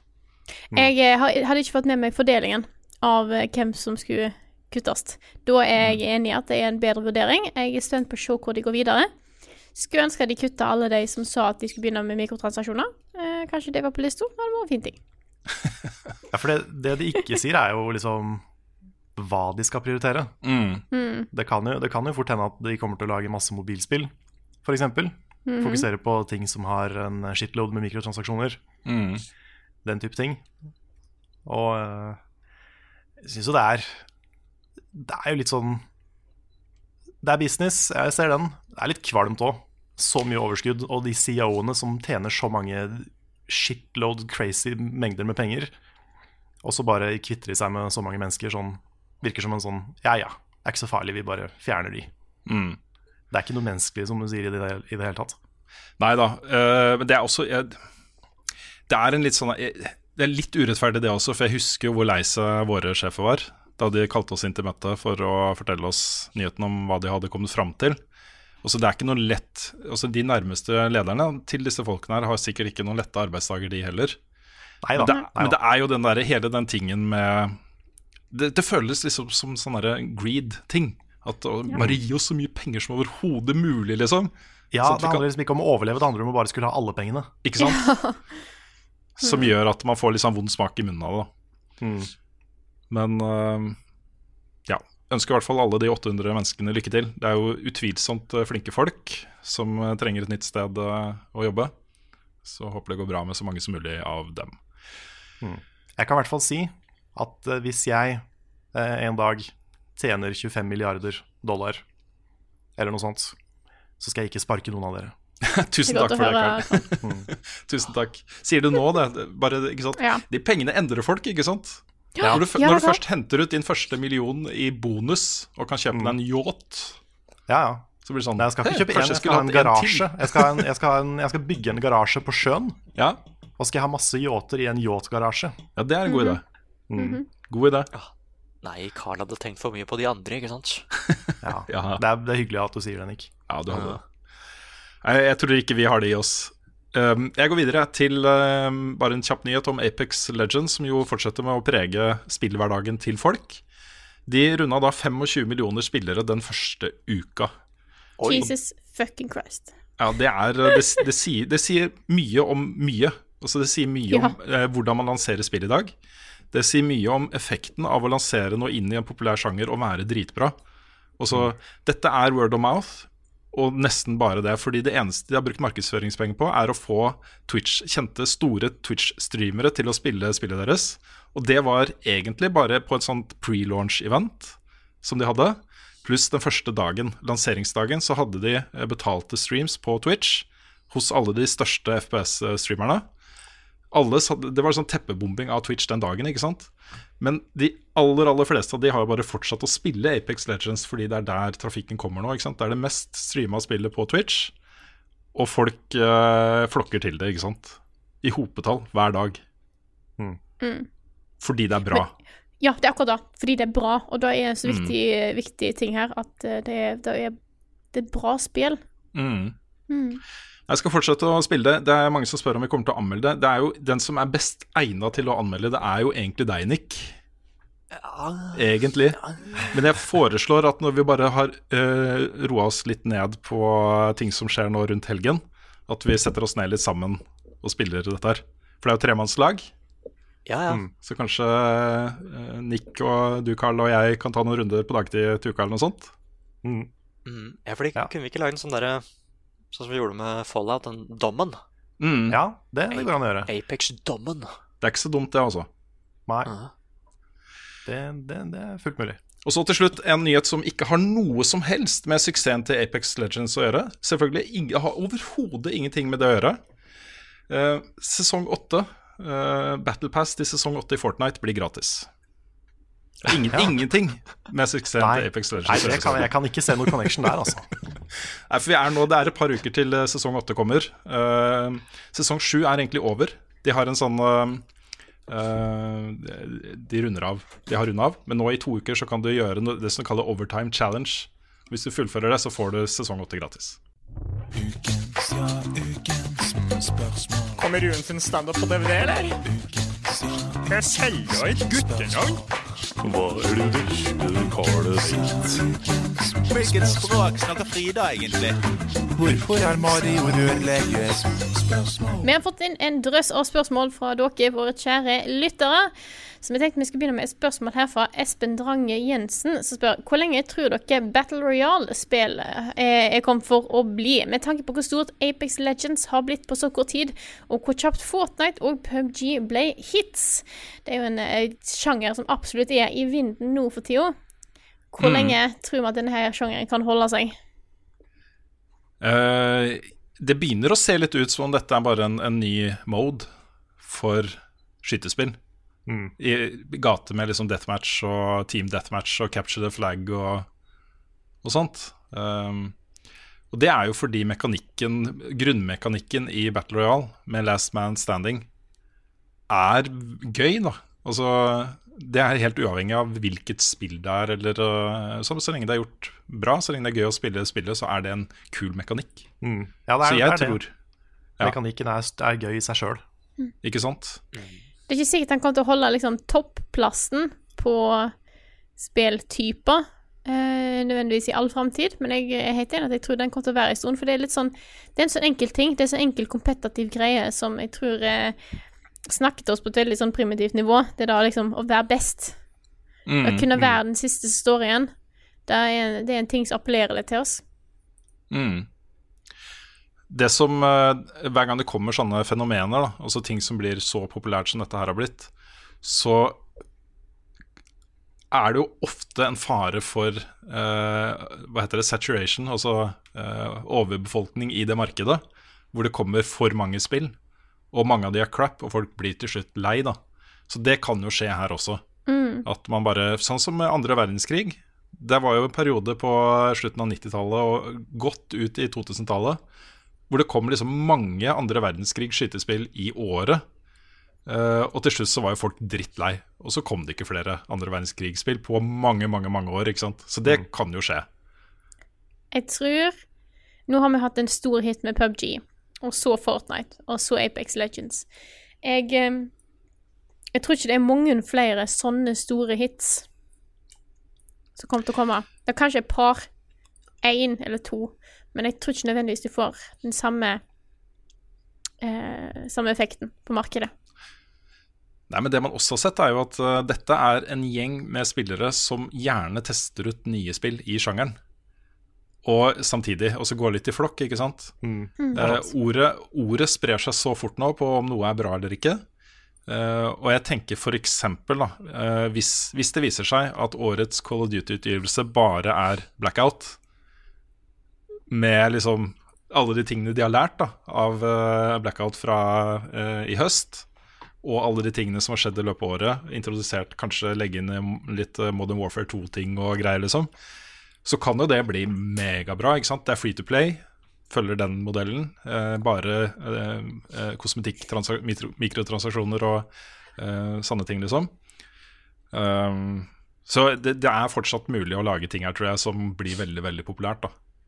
Men det er jo litt sånn, jeg så en eh, tegning i dag som var litt morsom, hvor man har lagt på eh, logoen da, til disse forskjellige Battle Royale-spillene, hvor døden går fra dør til dør.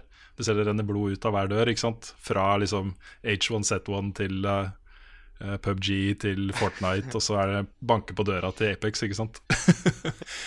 det er litt sånn det føles her. Mm. Eh, Og det er Tetris rart å tenke 99. Og Tetris 99, selvfølgelig. Tetris 99 må jo inn her. Um, men er, jeg tror det fortsatt er mulig å gjøre ting med sjangeren.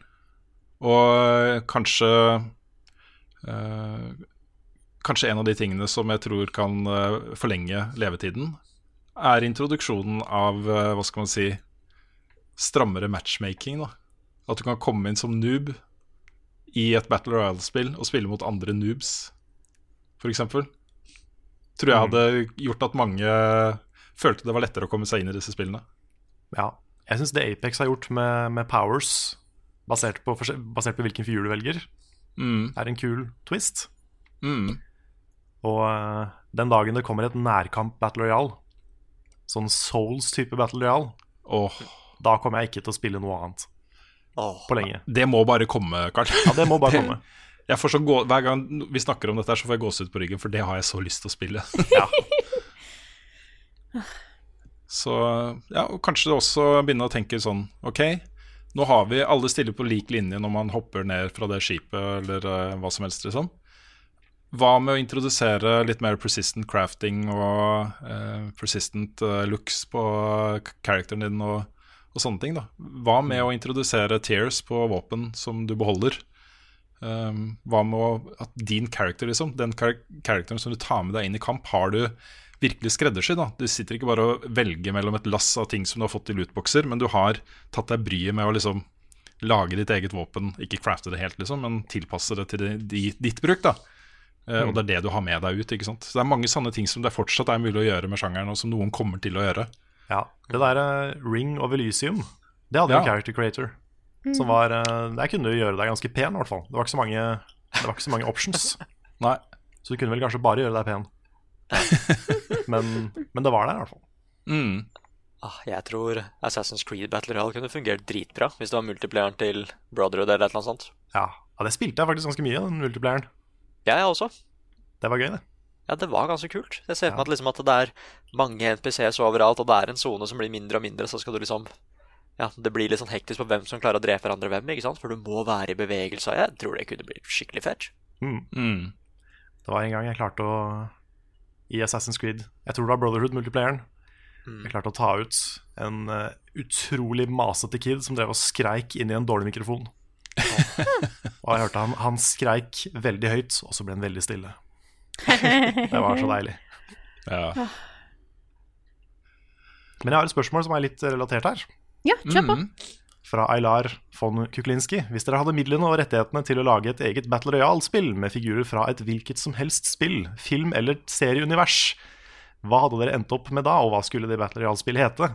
Selv ville jeg ha laget et spill basert på The Room, hvor alle spillerne så seg selv som Johnny, Tommy Wiseau, og alle motstanderne skulle være kloner av Lisa og Mark. Jeg syns det er en veldig god idé. Ja. Og så ser jeg for meg istedenfor liksom noe sånn her victory-lyd, så er det bare mm, hver gang du oppnår noe. Ja. Jeg har jo, har jo en idé. Jeg er ikke redd for å si det høyt heller, for jeg kommer aldri til å være i en posisjon hvor jeg får gjort noe med den, den ideen. Nei. Mulig jeg har nevnt det før. Men det spillet heter bare Død, med en norsk Ø.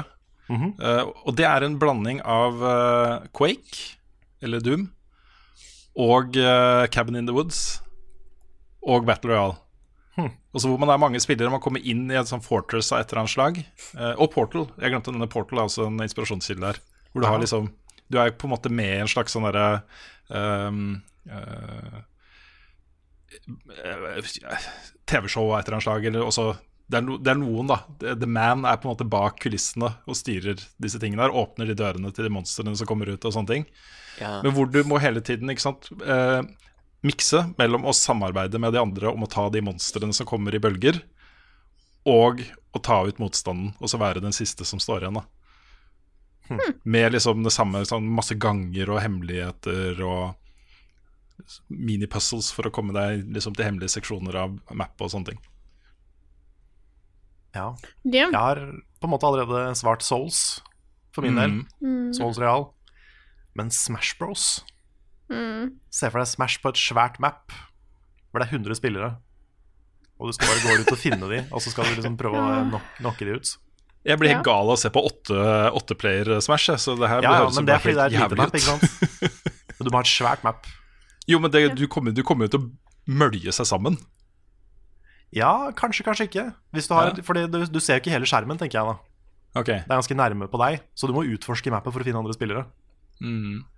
Og da går du liksom inn, da kan du velge skal jeg slåss med denne spilleren, eller skal jeg løpe og håpe at noen andre tar de. Ikke sant? Ja. Så kanskje noen der. Ja. I don't know. Nå er Tetris mulig, så nå er alt mulig, tenker jeg. ja, det er Ja, sant akkurat da. Mm. Stardew Valley Royal. Oi. Hvem får de fineste grønnsakene? Hvis vi skal ta en film, da, for jeg har jo jeg, jeg har jo veldig lyst på et skikkelig bra Hunger Games-spill, da. Jeg se for meg hvor stille det kunne vært med at det liksom Ja, Si at du har gameplay til enten Tomb Raider eller Horizon Zero Dawn. Det er tredjeperson eller noe sånt. En stor verden. Eh, skal ikke være basert på filmen, eller annet sånt, men bare at det, det er det samme konseptet. Med at det, det er en sone som blir mindre, og i midten av kartet så er, de best, så er det beste items. Og jeg tror det kunne vært veldig veldig kult. Klatre i trærne, gjemme deg og være litt sånn sniket. Du hadde mange muligheter til å gjøre ting og sånn. Mm. Og når du dreper noen, så er det noen som skyter en sånn svær kanon, ikke sant? Bare bam! Der er han død. Det, det er sånn Åh. Nei, fortsett. Det, ja, det kan bli så bra, ikke sant? Hvis det blir gjort Mm. riktig. Mm. Jeg er helt enig. Jeg kom, jeg kom plutselig på Besiege Battle Royale. Oh, shit, ja. Du bygger en, du bygger oh, en maskin, og så skal du slåss mot 100 andre maskiner. Åh. Det er sånn robot fighting on drugs, ikke sant? Det blir bare Mm. helt ekstremt. Vet du hva, det der er en million dollar idea, altså, Karl. Ja. Ja. Hadde jeg kunnet lage Besiege sjøl, så hadde jeg Mm. prøvd det. Og så har du OK, jeg ser for meg dette her, da. Sånn det funker. 100 spillere, så får du så og så lang tid på å lage ting. Mm. Du kan ikke ta med deg premade greier. Du Nei. får, og så får du kanskje bare begrensa med, med våpen eller et eller annet. Sånn at du har på en måte begren- begrensa assets for den runden. Det er noe her, altså. Ja, Mm. jeg tror Battle Royale-sjangeren kommer til å leve lenge. Ja, det tror jeg også. Når du bare her sitter liksom bare og drodla ideer i Ja, ja, ja. fem minutter. Og det, alle de spillene her har jeg mer lyst til å spille enn Apex Legends. Ja, ikke sant? Ah, Ja, ja nei, jeg, men det er som dere sier, at det kommer til å leve videre som en mode i mange spill. Mm. Og så kommer det sikkert til å komme noen veldig kule standalone Battle Royale-spill. Mm. ja. Men først og fremst en mode. Jeg håper bare at det blir et At det i hvert fall kommer et spill hvor det bare er ment å være én vinner, selv om du spiller på lag. Ja, at du må ta Å, laget ditt òg. Ja, for jeg ser for meg åssen den situasjonen, f.eks. Hunger Games At liksom Ja, du kan finne folk, og du kan starte et lag på tre stykker, liksom, men det skal fortsatt bare være én vinner til slutten. Så du må liksom tenke at ok, nå er det bare én fiende igjen, men når han er død, så er det, så er det fritt fram, ass. Det er liksom jeg, jeg ser for meg hvor gøy det kan bli. Jeg trodde det skulle være i PubG, da, med at så fort laget vårt vant, så er det liksom en sånn siste death battle med de Mm. fire, da. Ja, enten det, eller at du, kan, at du kan teame opp med andre spillere. At det er et insentiv for å gjøre det. Ja, ja, ja. Og så må du uh, splitte opp etter hvert. Mm. Mm, mm. Når jeg satt og tenkte liksom, hva spill er det du går liksom slåss eller dreper andre, da? Og en av de jeg kom på, der du faktisk tar livet av andre, som jeg ikke Jeg har ikke helt funnet ut hvordan jeg skal gjøre det til en Battle Royale ennå, men en der du tar livet av folk, er jo The Sims. Men jeg vet ikke helt hvordan Ja. du klarer å lage en The Sims uh, Battle Royale.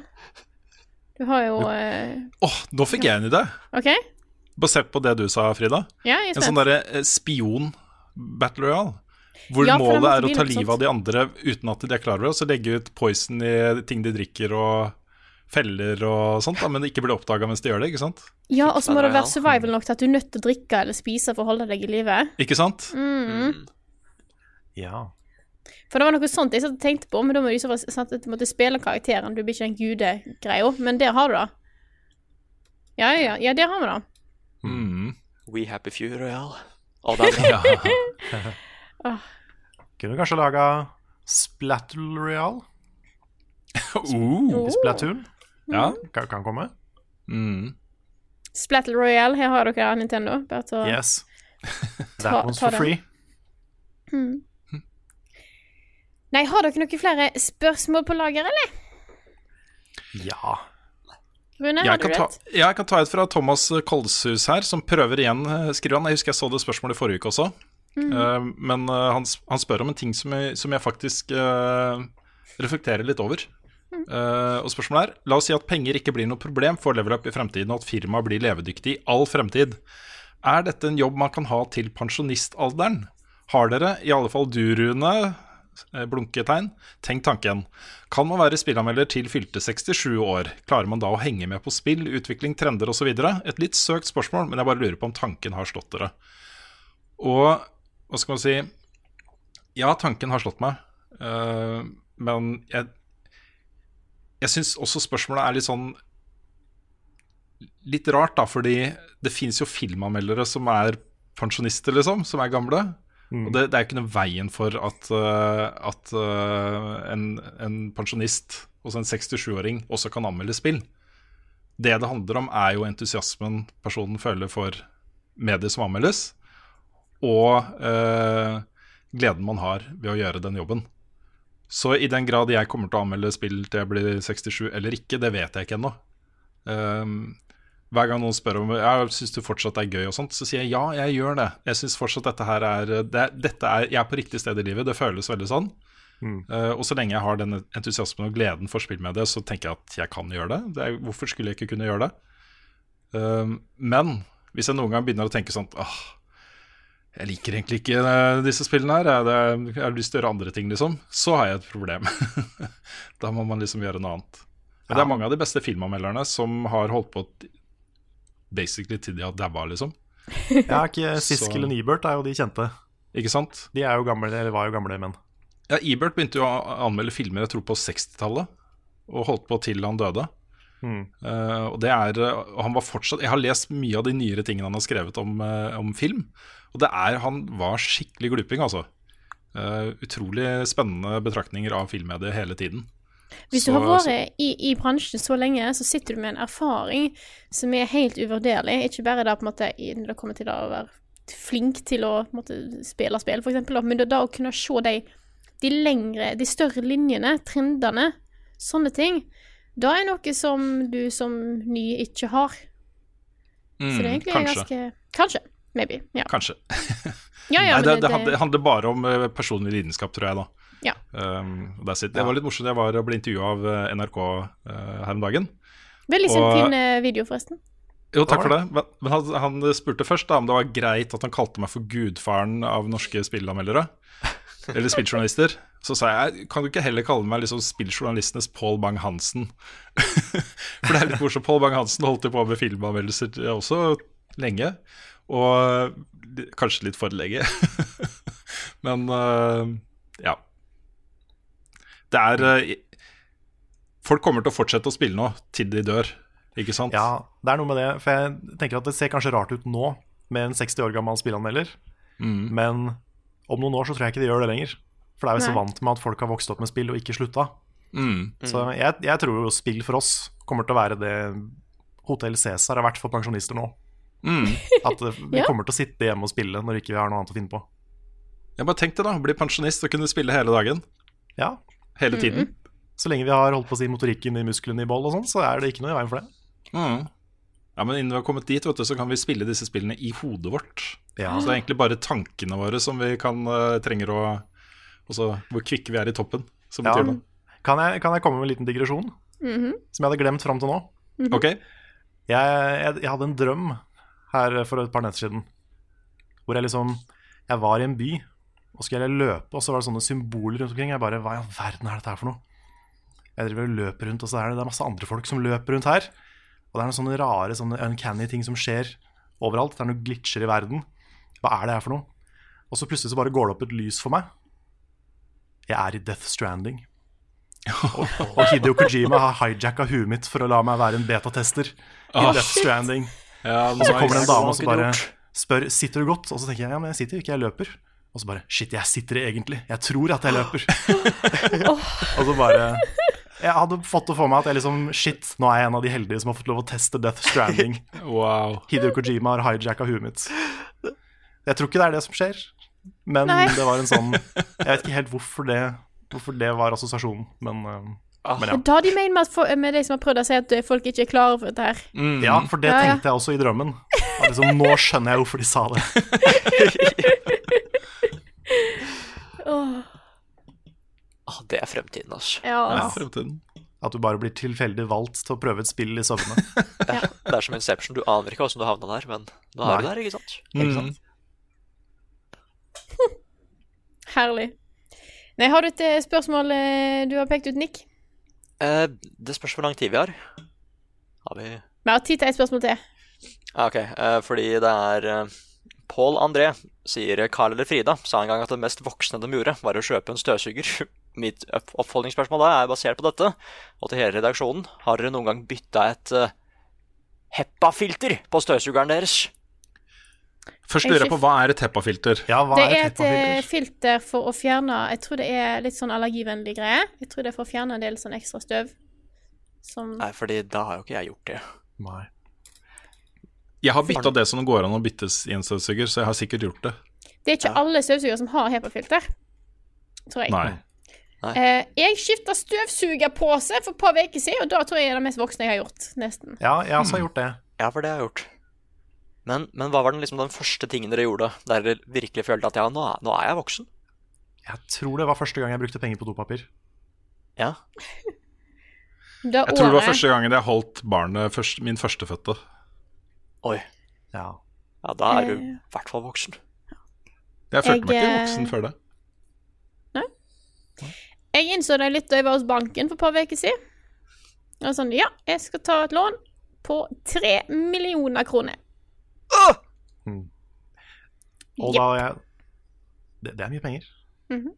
Det er ikke bare meg, da. Det er vi jo to. Ja. Um, jo, også den gangen jeg, jeg fikk um, sokker og underbukser til jul og ble glad for det. Ja, det har jeg ikke tenkt på. Det også er en voksen voksen sant.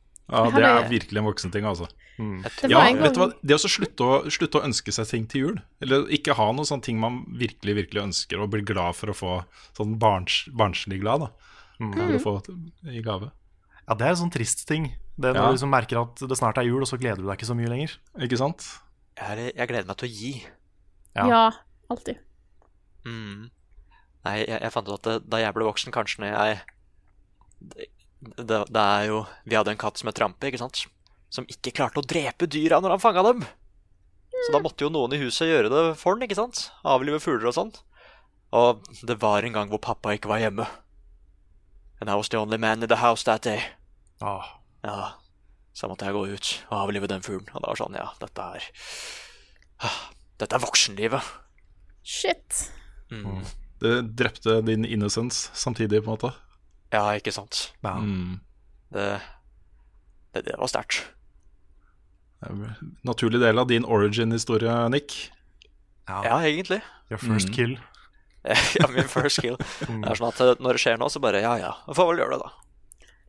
Mm. Det, Da vet jeg det at hvis vi noen gang er i en situasjon hvor vi avliver et dyr, så da spør jeg om du kan gjøre det, Nick. For så voksen har ikke jeg blitt. Jeg må legge til at jeg følte meg også ganske voksen da jeg tok opp mine første boliglån. Det var jo bare 700 000, da. Eh, men så følte jeg meg som en ungdom igjen uh, ganske kort tid etterpå, hvor eh, leiligheten gikk opp i verdi, og da tenkte jeg ah, ny TV. Ja. det kommer og går. Ikke Ja. sant?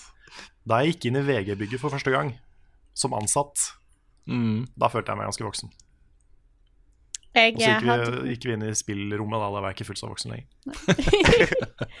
jeg hadde en rett før jul, da jeg var nede i sentrum, eh, og så skulle jeg kjøpe noen julepresanger. Og så fant jeg noen skåler som jeg syntes var så fine. Ikke fordi jeg trong skåler, men fordi jeg kjøpte skålene fordi skålene var fine. Og da var det et sånt nytt punkt for meg sånn Jeg har kjøpt skåler. Meg og pynteting har aldri vært noe, men nå er jeg glad for å gå og kjøpe meg tre skåler. Ja, der kan du se. That's how they get you. Og så er jeg litt sånn, eh, sånn der jeg føler meg litt voksen. Er sånn Jeg skal gifte meg om et halvt år. Jeg er voksen. Det er noe litt sånn uh... What? Ja, den også er voksen. ja, ha, jeg har glemt å si det til deg, Nick. What? Jeg trodde Skal vi du hadde gifte alle deg? bestemmelser. Ja. Så da eh, Neste sommer. Alt kommer til å endre seg, Frida. Det blir et helt annet liv. Du- Man kan eh, liksom Før og etter eh, ekteskap. Jeg hører folk si det. Mm. Åssen Eller, eller jeg veit Det var jo sikkert noe frieri, men åssen skjedde det? Eh, det er et par uker siden. Vi var ute og spiste middag. Jeg har eh, Så det er Ja. Og så lå ringen i maten. Yes, yes, yes. yes.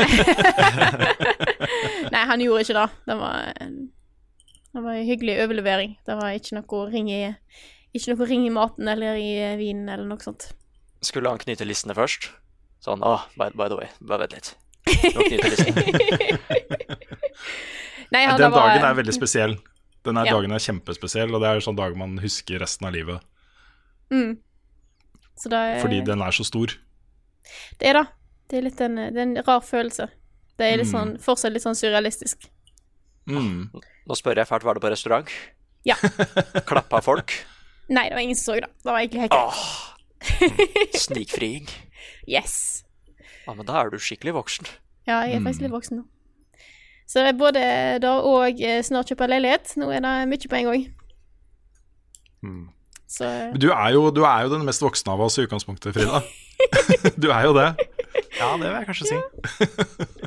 Så, Ja. selv om uh, du har jo barn og familie og sånn, rundt Det er Ja, men eh, det er jo, blir jo kompisene mine etter hvert nå, ikke sant? Ja. Det blir noen jeg kan leke med. Jeg har Ja. sånn ny ungdomstid. Og de bare Å, pappa. er Kan vi, ikke, sånn kan vi ikke ta sånn bilde på hvor mye vi ligner på hverandre? Vi ser og hør. Og de bare åh. Men det, som er, det som er morsomst, er jo at, eh, at eh, når vi nå etter hvert begynner å spille mot hverandre i sånne litt mer voksne spill, og sånn, så kan jeg jo faktisk si at jeg ligger med mora deres. Ja, Ja. det kan du. Noen ganger så er jeg litt glad for at jeg ikke spilte så mye med pappa. Skikkelig konkurransemenneske, liksom. Mm. Ah, men nei, nå ble jeg skikkelig misunnelig. Frida kom jo så mye lenger i livet enn meg, ass. Ja, Hvis det er noe Fy trøst, søren. Nick, så er jeg eldre enn deg. Jeg har ikke kommet så langt, jeg heller. Men du har fortsatt Altså, noen år, det. Dick. Det, Ja. det går fint. Jeg har ikke dårlig tid ennå. Nei, nei, nei, absolutt ikke. Jeg ligger ganske langt bak resten. Det, det er sånn eksempel på skolen og sånn, bare skal vi gå og drikke litt etter at vi er ferdig? Drikke? Ja, men du, er ikke du på skolen med masse mye eldre folk? Ja, men liksom Noen av dem er jo på alderen min nå. Mm. Og, så, og så bare sier de at ja, vi tar en tur på baren. Ja, men jeg ja, Hva skal jeg gjøre der? Det cola, er, da. ja. Ja. Det er jo flere jeg kjenner som, ikke, som er avholds. Det er Det går eh, Det er ikke noe problem, da. Det er, det er litt sånn Jeg tror akkurat i dag du blir sånn 18, så jeg tror det er mer sånn stigma rundt det. Men eh, Mm. når en blir eldre, så er det Det er ingen som reagerer på det, i hvert fall hos oss, da. Nei. Du Ja, kan, så- det kan hende du får noen spørsmål som du blir litt lei av etter hvert. Sånn Mm. om du er religiøs og sånn. Men det så Men De det- fleste syns det er helt greit. Altså. Ja da, så da trenger du ikke være nervøs for, Nick. Nei, men jeg sier at jeg, jeg, gleder meg litt til at jeg skal ta en sånn en dag eller en natt hvor jeg skal prøve å finne drinken min, ikke sant? Ah, shit. Mm. For jeg har jo oh. lyst på en sånn designated drink. Jeg, vet hva, jeg har hatt akkurat samme greiene før Nick. Ah. Sånn, jeg, jeg drakk ikke alkohol i det hele tatt før for tre år siden ish.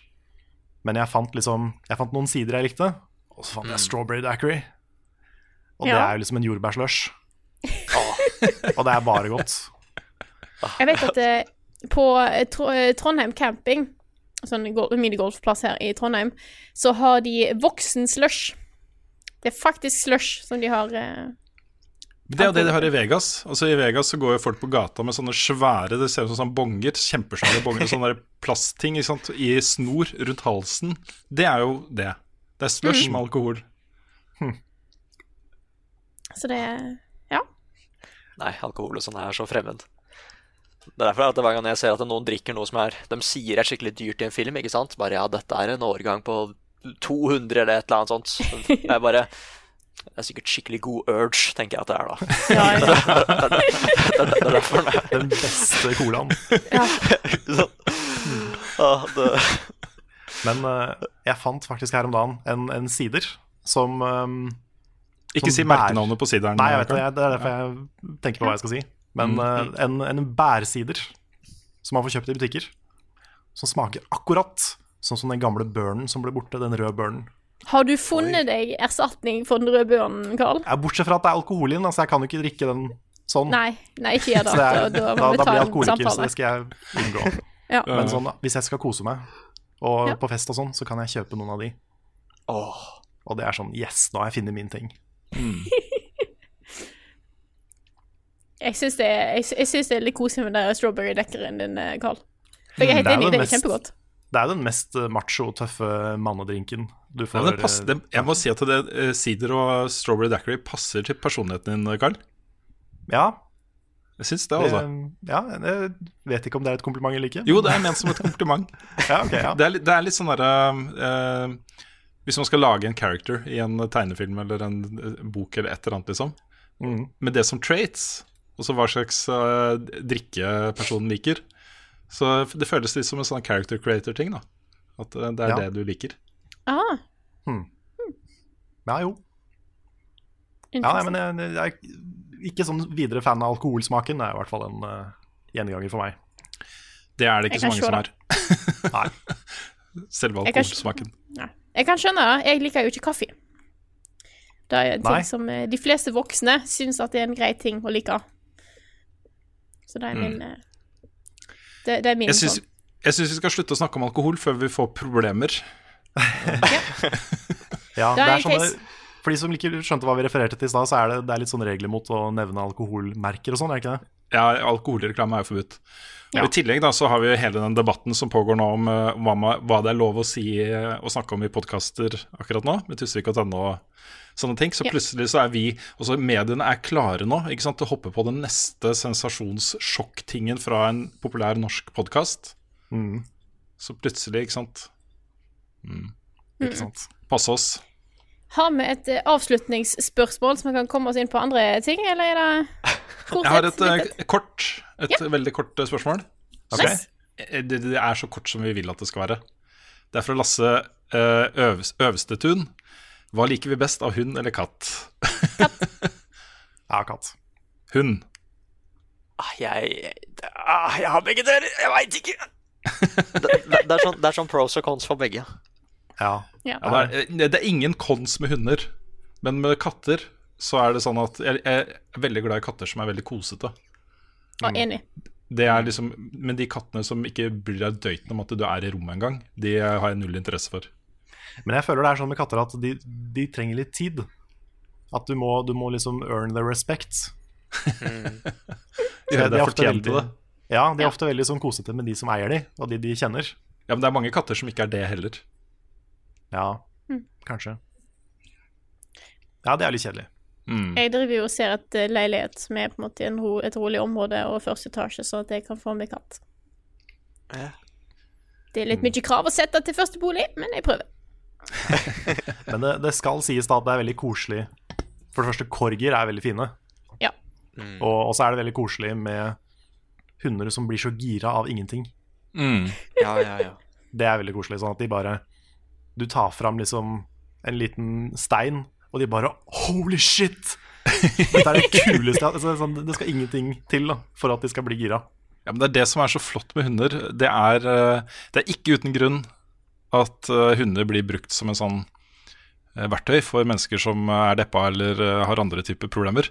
Det er så mye livsglede i hunder. Det der å- at det er noen rundt deg hele tiden som er du er det viktigste i livet deres, og de blir superhappy for å se deg bare du har vært borte i fem minutter. Og, og så den, den følelsen, da. Du blir veldig mm. knytta til en hund på den måten her, altså. Ja. Jeg har også hatt negative opplevelser med hunder, da. Ja. Sånn det var en gang jeg var eh, på date med noen som hadde hund. Og den, den slutta ikke å konstant slikke meg i ansiktet. Oi. Og det, det er ikke koselig i mange sekunder, altså. Nei, men det er, det er jo uh, Hunder slikker jo folk i ansiktet for å vise at de er underlegne deg, og at de er glad i deg. Ja. Så, Men det trengte jeg ikke. Nei. Nei. Vi hadde jo en hund en liten periode, eh, og det var basically jeg som oppdro hunden. Eh, fordi at jeg var hjemme den, eh, den våren. Eh, men jeg følte liksom ikke at jeg ble så knytta til hunden nødvendigvis, for det var liksom mor mi som gjorde alt det koselige. At jeg var liksom mer den strenge personen som sa at nå må du slutte å gjøre sånt til hunden, og sånt. Eh, så jeg tenkte at hunden syns sikkert jeg er en sånn helt grei person. Så var jeg vekke, for jeg flytta til Trondheim, og så kom jeg tilbake igjen eh, Så var jeg vekke noen måneder. Jeg tror jeg aldri har sett et vesen så glad for å se meg noen gang i mitt liv. Den, den hunden der, den visste ikke hvor han skulle gjøre av seg. Og det var liksom sånn, Mm. hver gang jeg kom hjem Det var egentlig litt koselig. Første Ja, gangen jeg, da, da må jeg jo si at eh, jeg, jeg, var veld, jeg er veldig glad i katten hadde. Veldig bra katt. Men etter jeg hadde vært flytta hjemmefra første gangen, så kom jeg hjem igjen etter å ha vært vekke en del måneder. Den katten, den som egentlig var veldig knytta til meg, den bare sånn derre Hvem er du? Hvem er du som tror du kan komme her etter å ha vært vekke i tre måneder, og så tro at vi er venner? Det var så vidt, han, han ville ikke se på meg engang. Det var ikke, det var ikke snakk om at jeg kunne komme bort til han, og så gikk det et par timer, og så var det sånn OK, det går greit. Og så var det tilbake igjen og ligge opp- oppå meg i sofaen og sånne ting. Men det var bare sånn de første timene. Det var sånn derre Jeg er blitt forrådt av deg, human.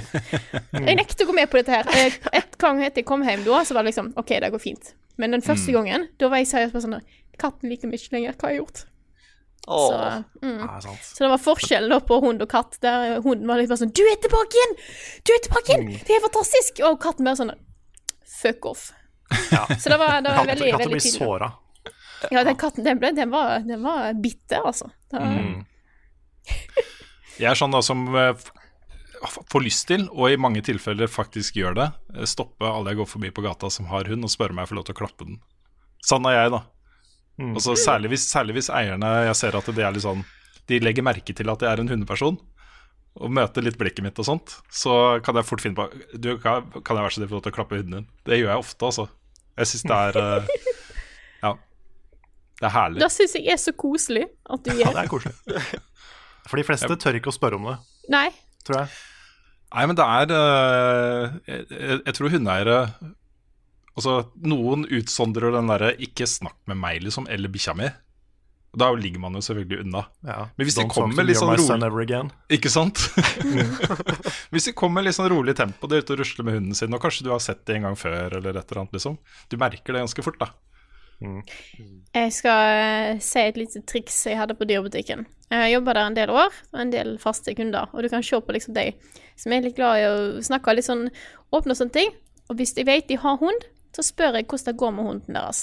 For det er noen hunder jeg har, det er ingenting som er kjekkere enn å snakke om hunden sin. Mm. Da blir, da blir de så fornøyd, og jeg får høre festlige historier om hunden, og alt er egentlig, alt er egentlig bra. Det er litt sånn Det er noen som bare Det var så, eh, så enkelt å bare sette i gang og snakke om hunden sin. Super, Supergreit. Det har jeg ikke noe problem med å tro på.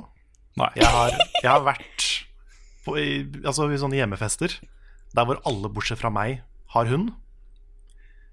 Det snakkes ikke om noe annet i løpet av den kvelden. Det er bare hund. Det, er, det er nesten verre enn folk som har barn, og skal snakke om barna. Jo, men hunder blir ofte sidestilt med barn Ja. i noen familier. Mm. Det, det, det er med rette, mener jeg, da. Også, um, du har et kjempestort ansvar for å gi den bikkja et bra liv, ikke sant? Uh, som ikke også, Vi kan jo gå ut i verden og oppdage masse ting. Den bikkja har deg og familien. Ja, ja. Det er det Mm. den har, liksom. Og jobben din er å sørge for at den bikkja har det så bra som overhodet mulig. ikke sant? Og det blir et familiemedlem. Det gjør det, altså. Mm. Ja, jeg, jeg skjønner det godt. Det er bare noen ganger så blir det veldig mye. oh, Jeg tror kanskje vi skal begynne å runde litt av her, jeg. Ja, vi må nesten det. Ja, men jeg kan yeah. bare si at i morgen, nei, i dag, vanskelig dette her, så er det vår fantastiske, gigantiske fe seks timer livestream, treårsjubileums-hype, live-event på twitch.tv slash levelupnord. Der blir det, det blir spill, det blir duell, det blir straff. Vi har alt planlagt. Eh, det blir kind of surprise. Det blir nye ting, i hvert fall. Det er bare å glede seg til det. Twitch.tv Yeah. slash levelupnord klokka fem. Fredag 15. februar. Ja. Oh, lydboksen er tilbake! Lydboksen er tilbake. Favorittingen til alle podcasten. Ja, eh, Livestreamen kommer til å bli kjempegøy. Vi kommer til å poste uh, programmet. Vi har ikke helt 100% spikra, det er 90% spikra. Vi kommer til å poste det både sånn underveis og rett før. Men i hvert fall holde av de timene. Det kommer til å bli ordentlig morsomt. Mm. Yes. Lover. Så det blir, da eh, det blir oss fire og Bjørn. Nettopp. Yes. Mm. Og så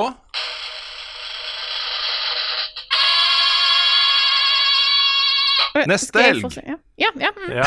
Jeg var ikke på om jeg Skal vi- begynne eller du for å bygge spenning, ikke sant? Det er viktig. Ja. Sånn, Ja, ja, ja. ja. Neste helg skal vi på Hordaland, som er i Sotra Arena, tror jeg det het.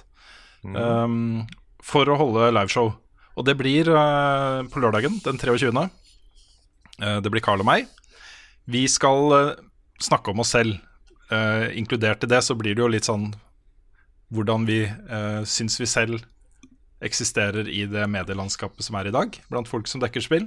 Men det blir først og fremst hvordan vi tenker, hvordan vi jobber, uh, hva som skjedde da vi ikke lenger fikk eh, lage ukesmagasin på VGTV, uh, hvordan det har gått i løpet av de tre årene som vi holdt på, uh, osv. Og, så og også da uh, hvordan vi ser for oss fremtiden. Så det blir en sånn, litt sånn ja, helt ned på nivået med hvordan vi tenker når vi lager en video. Hver for oss. Så jeg tror det blir bra. Det var det de ønska seg. Og det blir også, vi har fått spørsmål om dette her blir livestreama eller tatt opp video. Eh, De har et sceneopplegg og en egen Twitch-kanal som dette tror jeg blir streama på. Det skal også være et preshow hvor vi er eh, med på bakrommet. Um, og så går vi på scenen, og jeg tror begge deler blir streama. Så det er bare å følge Hordaland. Jeg spurte de om vi kunne Det vi kunne gjøre, er jo kanskje hoste streamen hos oss også. Um, Ja, så det får vi sikkert til. Mm. Så jeg regner med det blir streama. Og så er det da var det, Hvilken dato var det? I mars? 7. mars, torsdag 7. mars. Ikke 20., men 7. 7. mars. Tallet er 7. 7. mars. Ja. Sju. Da skal vi til Tønsberg. Da blir denne podkasten her live for de som eh, dukker opp. Det blir veldig hyggelig. Det blir òg spilt inn som en vanlig podkast, så dere som ikke får det med dere, får hørt den i etterkant. Men det blir live på eh, Tønsberg og Færder bibliotek. Mm. Det er vel klokka sju, tror jeg. Det stemmer. Klokka sju. Så det vil si, hvis du sliter med å huske tid og dato, så tenk De syv dverger eller The Seven Chaos Emeralds. Ja, Ja. eller den syvende i syvende klokka sju 1977. Ja, men da er du for tidlig ute. da er du for tidlig er ute. Nei da. Jeg hadde tenkt å foreslå det er mulig at vi prøver å lage noe eksklusivt for de som kommer. Et eller annet, liksom. Ja, det, ja. Eh, Det fordi det har vi snakka mye om. Hvis vi skal ut og ta podkasten vår på turné, så er det det vi bør gjøre. Da bør vi ha noe som bare skjer der, og ikke i opptaket. Mm. Ja, for det, for det sitter litt, litt langt inne for folk, inkludert meg, å gå ut og se på noe. Ja, Som du kan mm. bare laste ned dagen etter uh, hvis ikke du kommer. Ja. Så tenker jeg liksom, ok, hvis de har noe insentiv Ja. til å faktisk ta turen, Mm. så er det litt kult. Nei, men da finner vi noe. Da finner vi Jeg noe det, altså. spesifikt. Ja, jeg er helt enig. Det høres veldig hyggelig ut. Da gjør vi det. Noe Mm. Eh, Kom på den podkasten for å få med deg noe som er eksklusivt kun for dere som dukker opp 7. mars klokka 20 på Tønsberg og Færder bibliotek. Det er bestemt Oh, yeah. vedtatt nå. Yes. Mm. Og med da så Vi har ikke mer ting å plugge da, sant? Nei. Nei. Og med da så eh, vil jeg også si tusen takk til alle dere som støtter oss på Patreon. Nå kan vi jo si det, for nå har det jo gått det tre år. Herregud. Dere har støtta oss i tre år, og vi er evig takknemlige og håper at mange av dere har lyst til å være med på reisen vår eh, videre i å dekke, i å dekke spill. Så om du har lyst til å støtte oss, er det bare å gå inn på patron.com slash levelupnorge. Ja. Stemmer. Yes. Da fikk jeg litt dårlig samvittighet for at jeg ikke har snakka mer om treårsjubileet vårt. Det er ganske spesielt at vi har eksistert i tre år som eget selskap. Vi burde kanskje ha markert det i en podkast som kommer ut på treårsdagen vår. Men vi tenker jo sånn at det er streamen Det er streamen vi skal gjøre det på. Så hvis du vil eh, høre oss snakke om hvordan det har gått, og sånne ting, så er det der det kommer til å skje. Yeah. Det kommer Yeah. til å bli litt klipp fra tidligere. Det kommer til å bli spill, det kommer til å bli dueller. Det blir kjempebra. Så det er liksom, Mm. det er derfor jeg ikke har snakket så mye om det nå. Det blir, eh, det blir en stor, stor event. Jepp. Yes. Verdt å få med seg. Og med det så eh, tror jeg at vi sier takk, takk for oss. Takk for at du hørte på denne episoden her av Level Backup. Og så snakkes vi igjen eh, neste uke.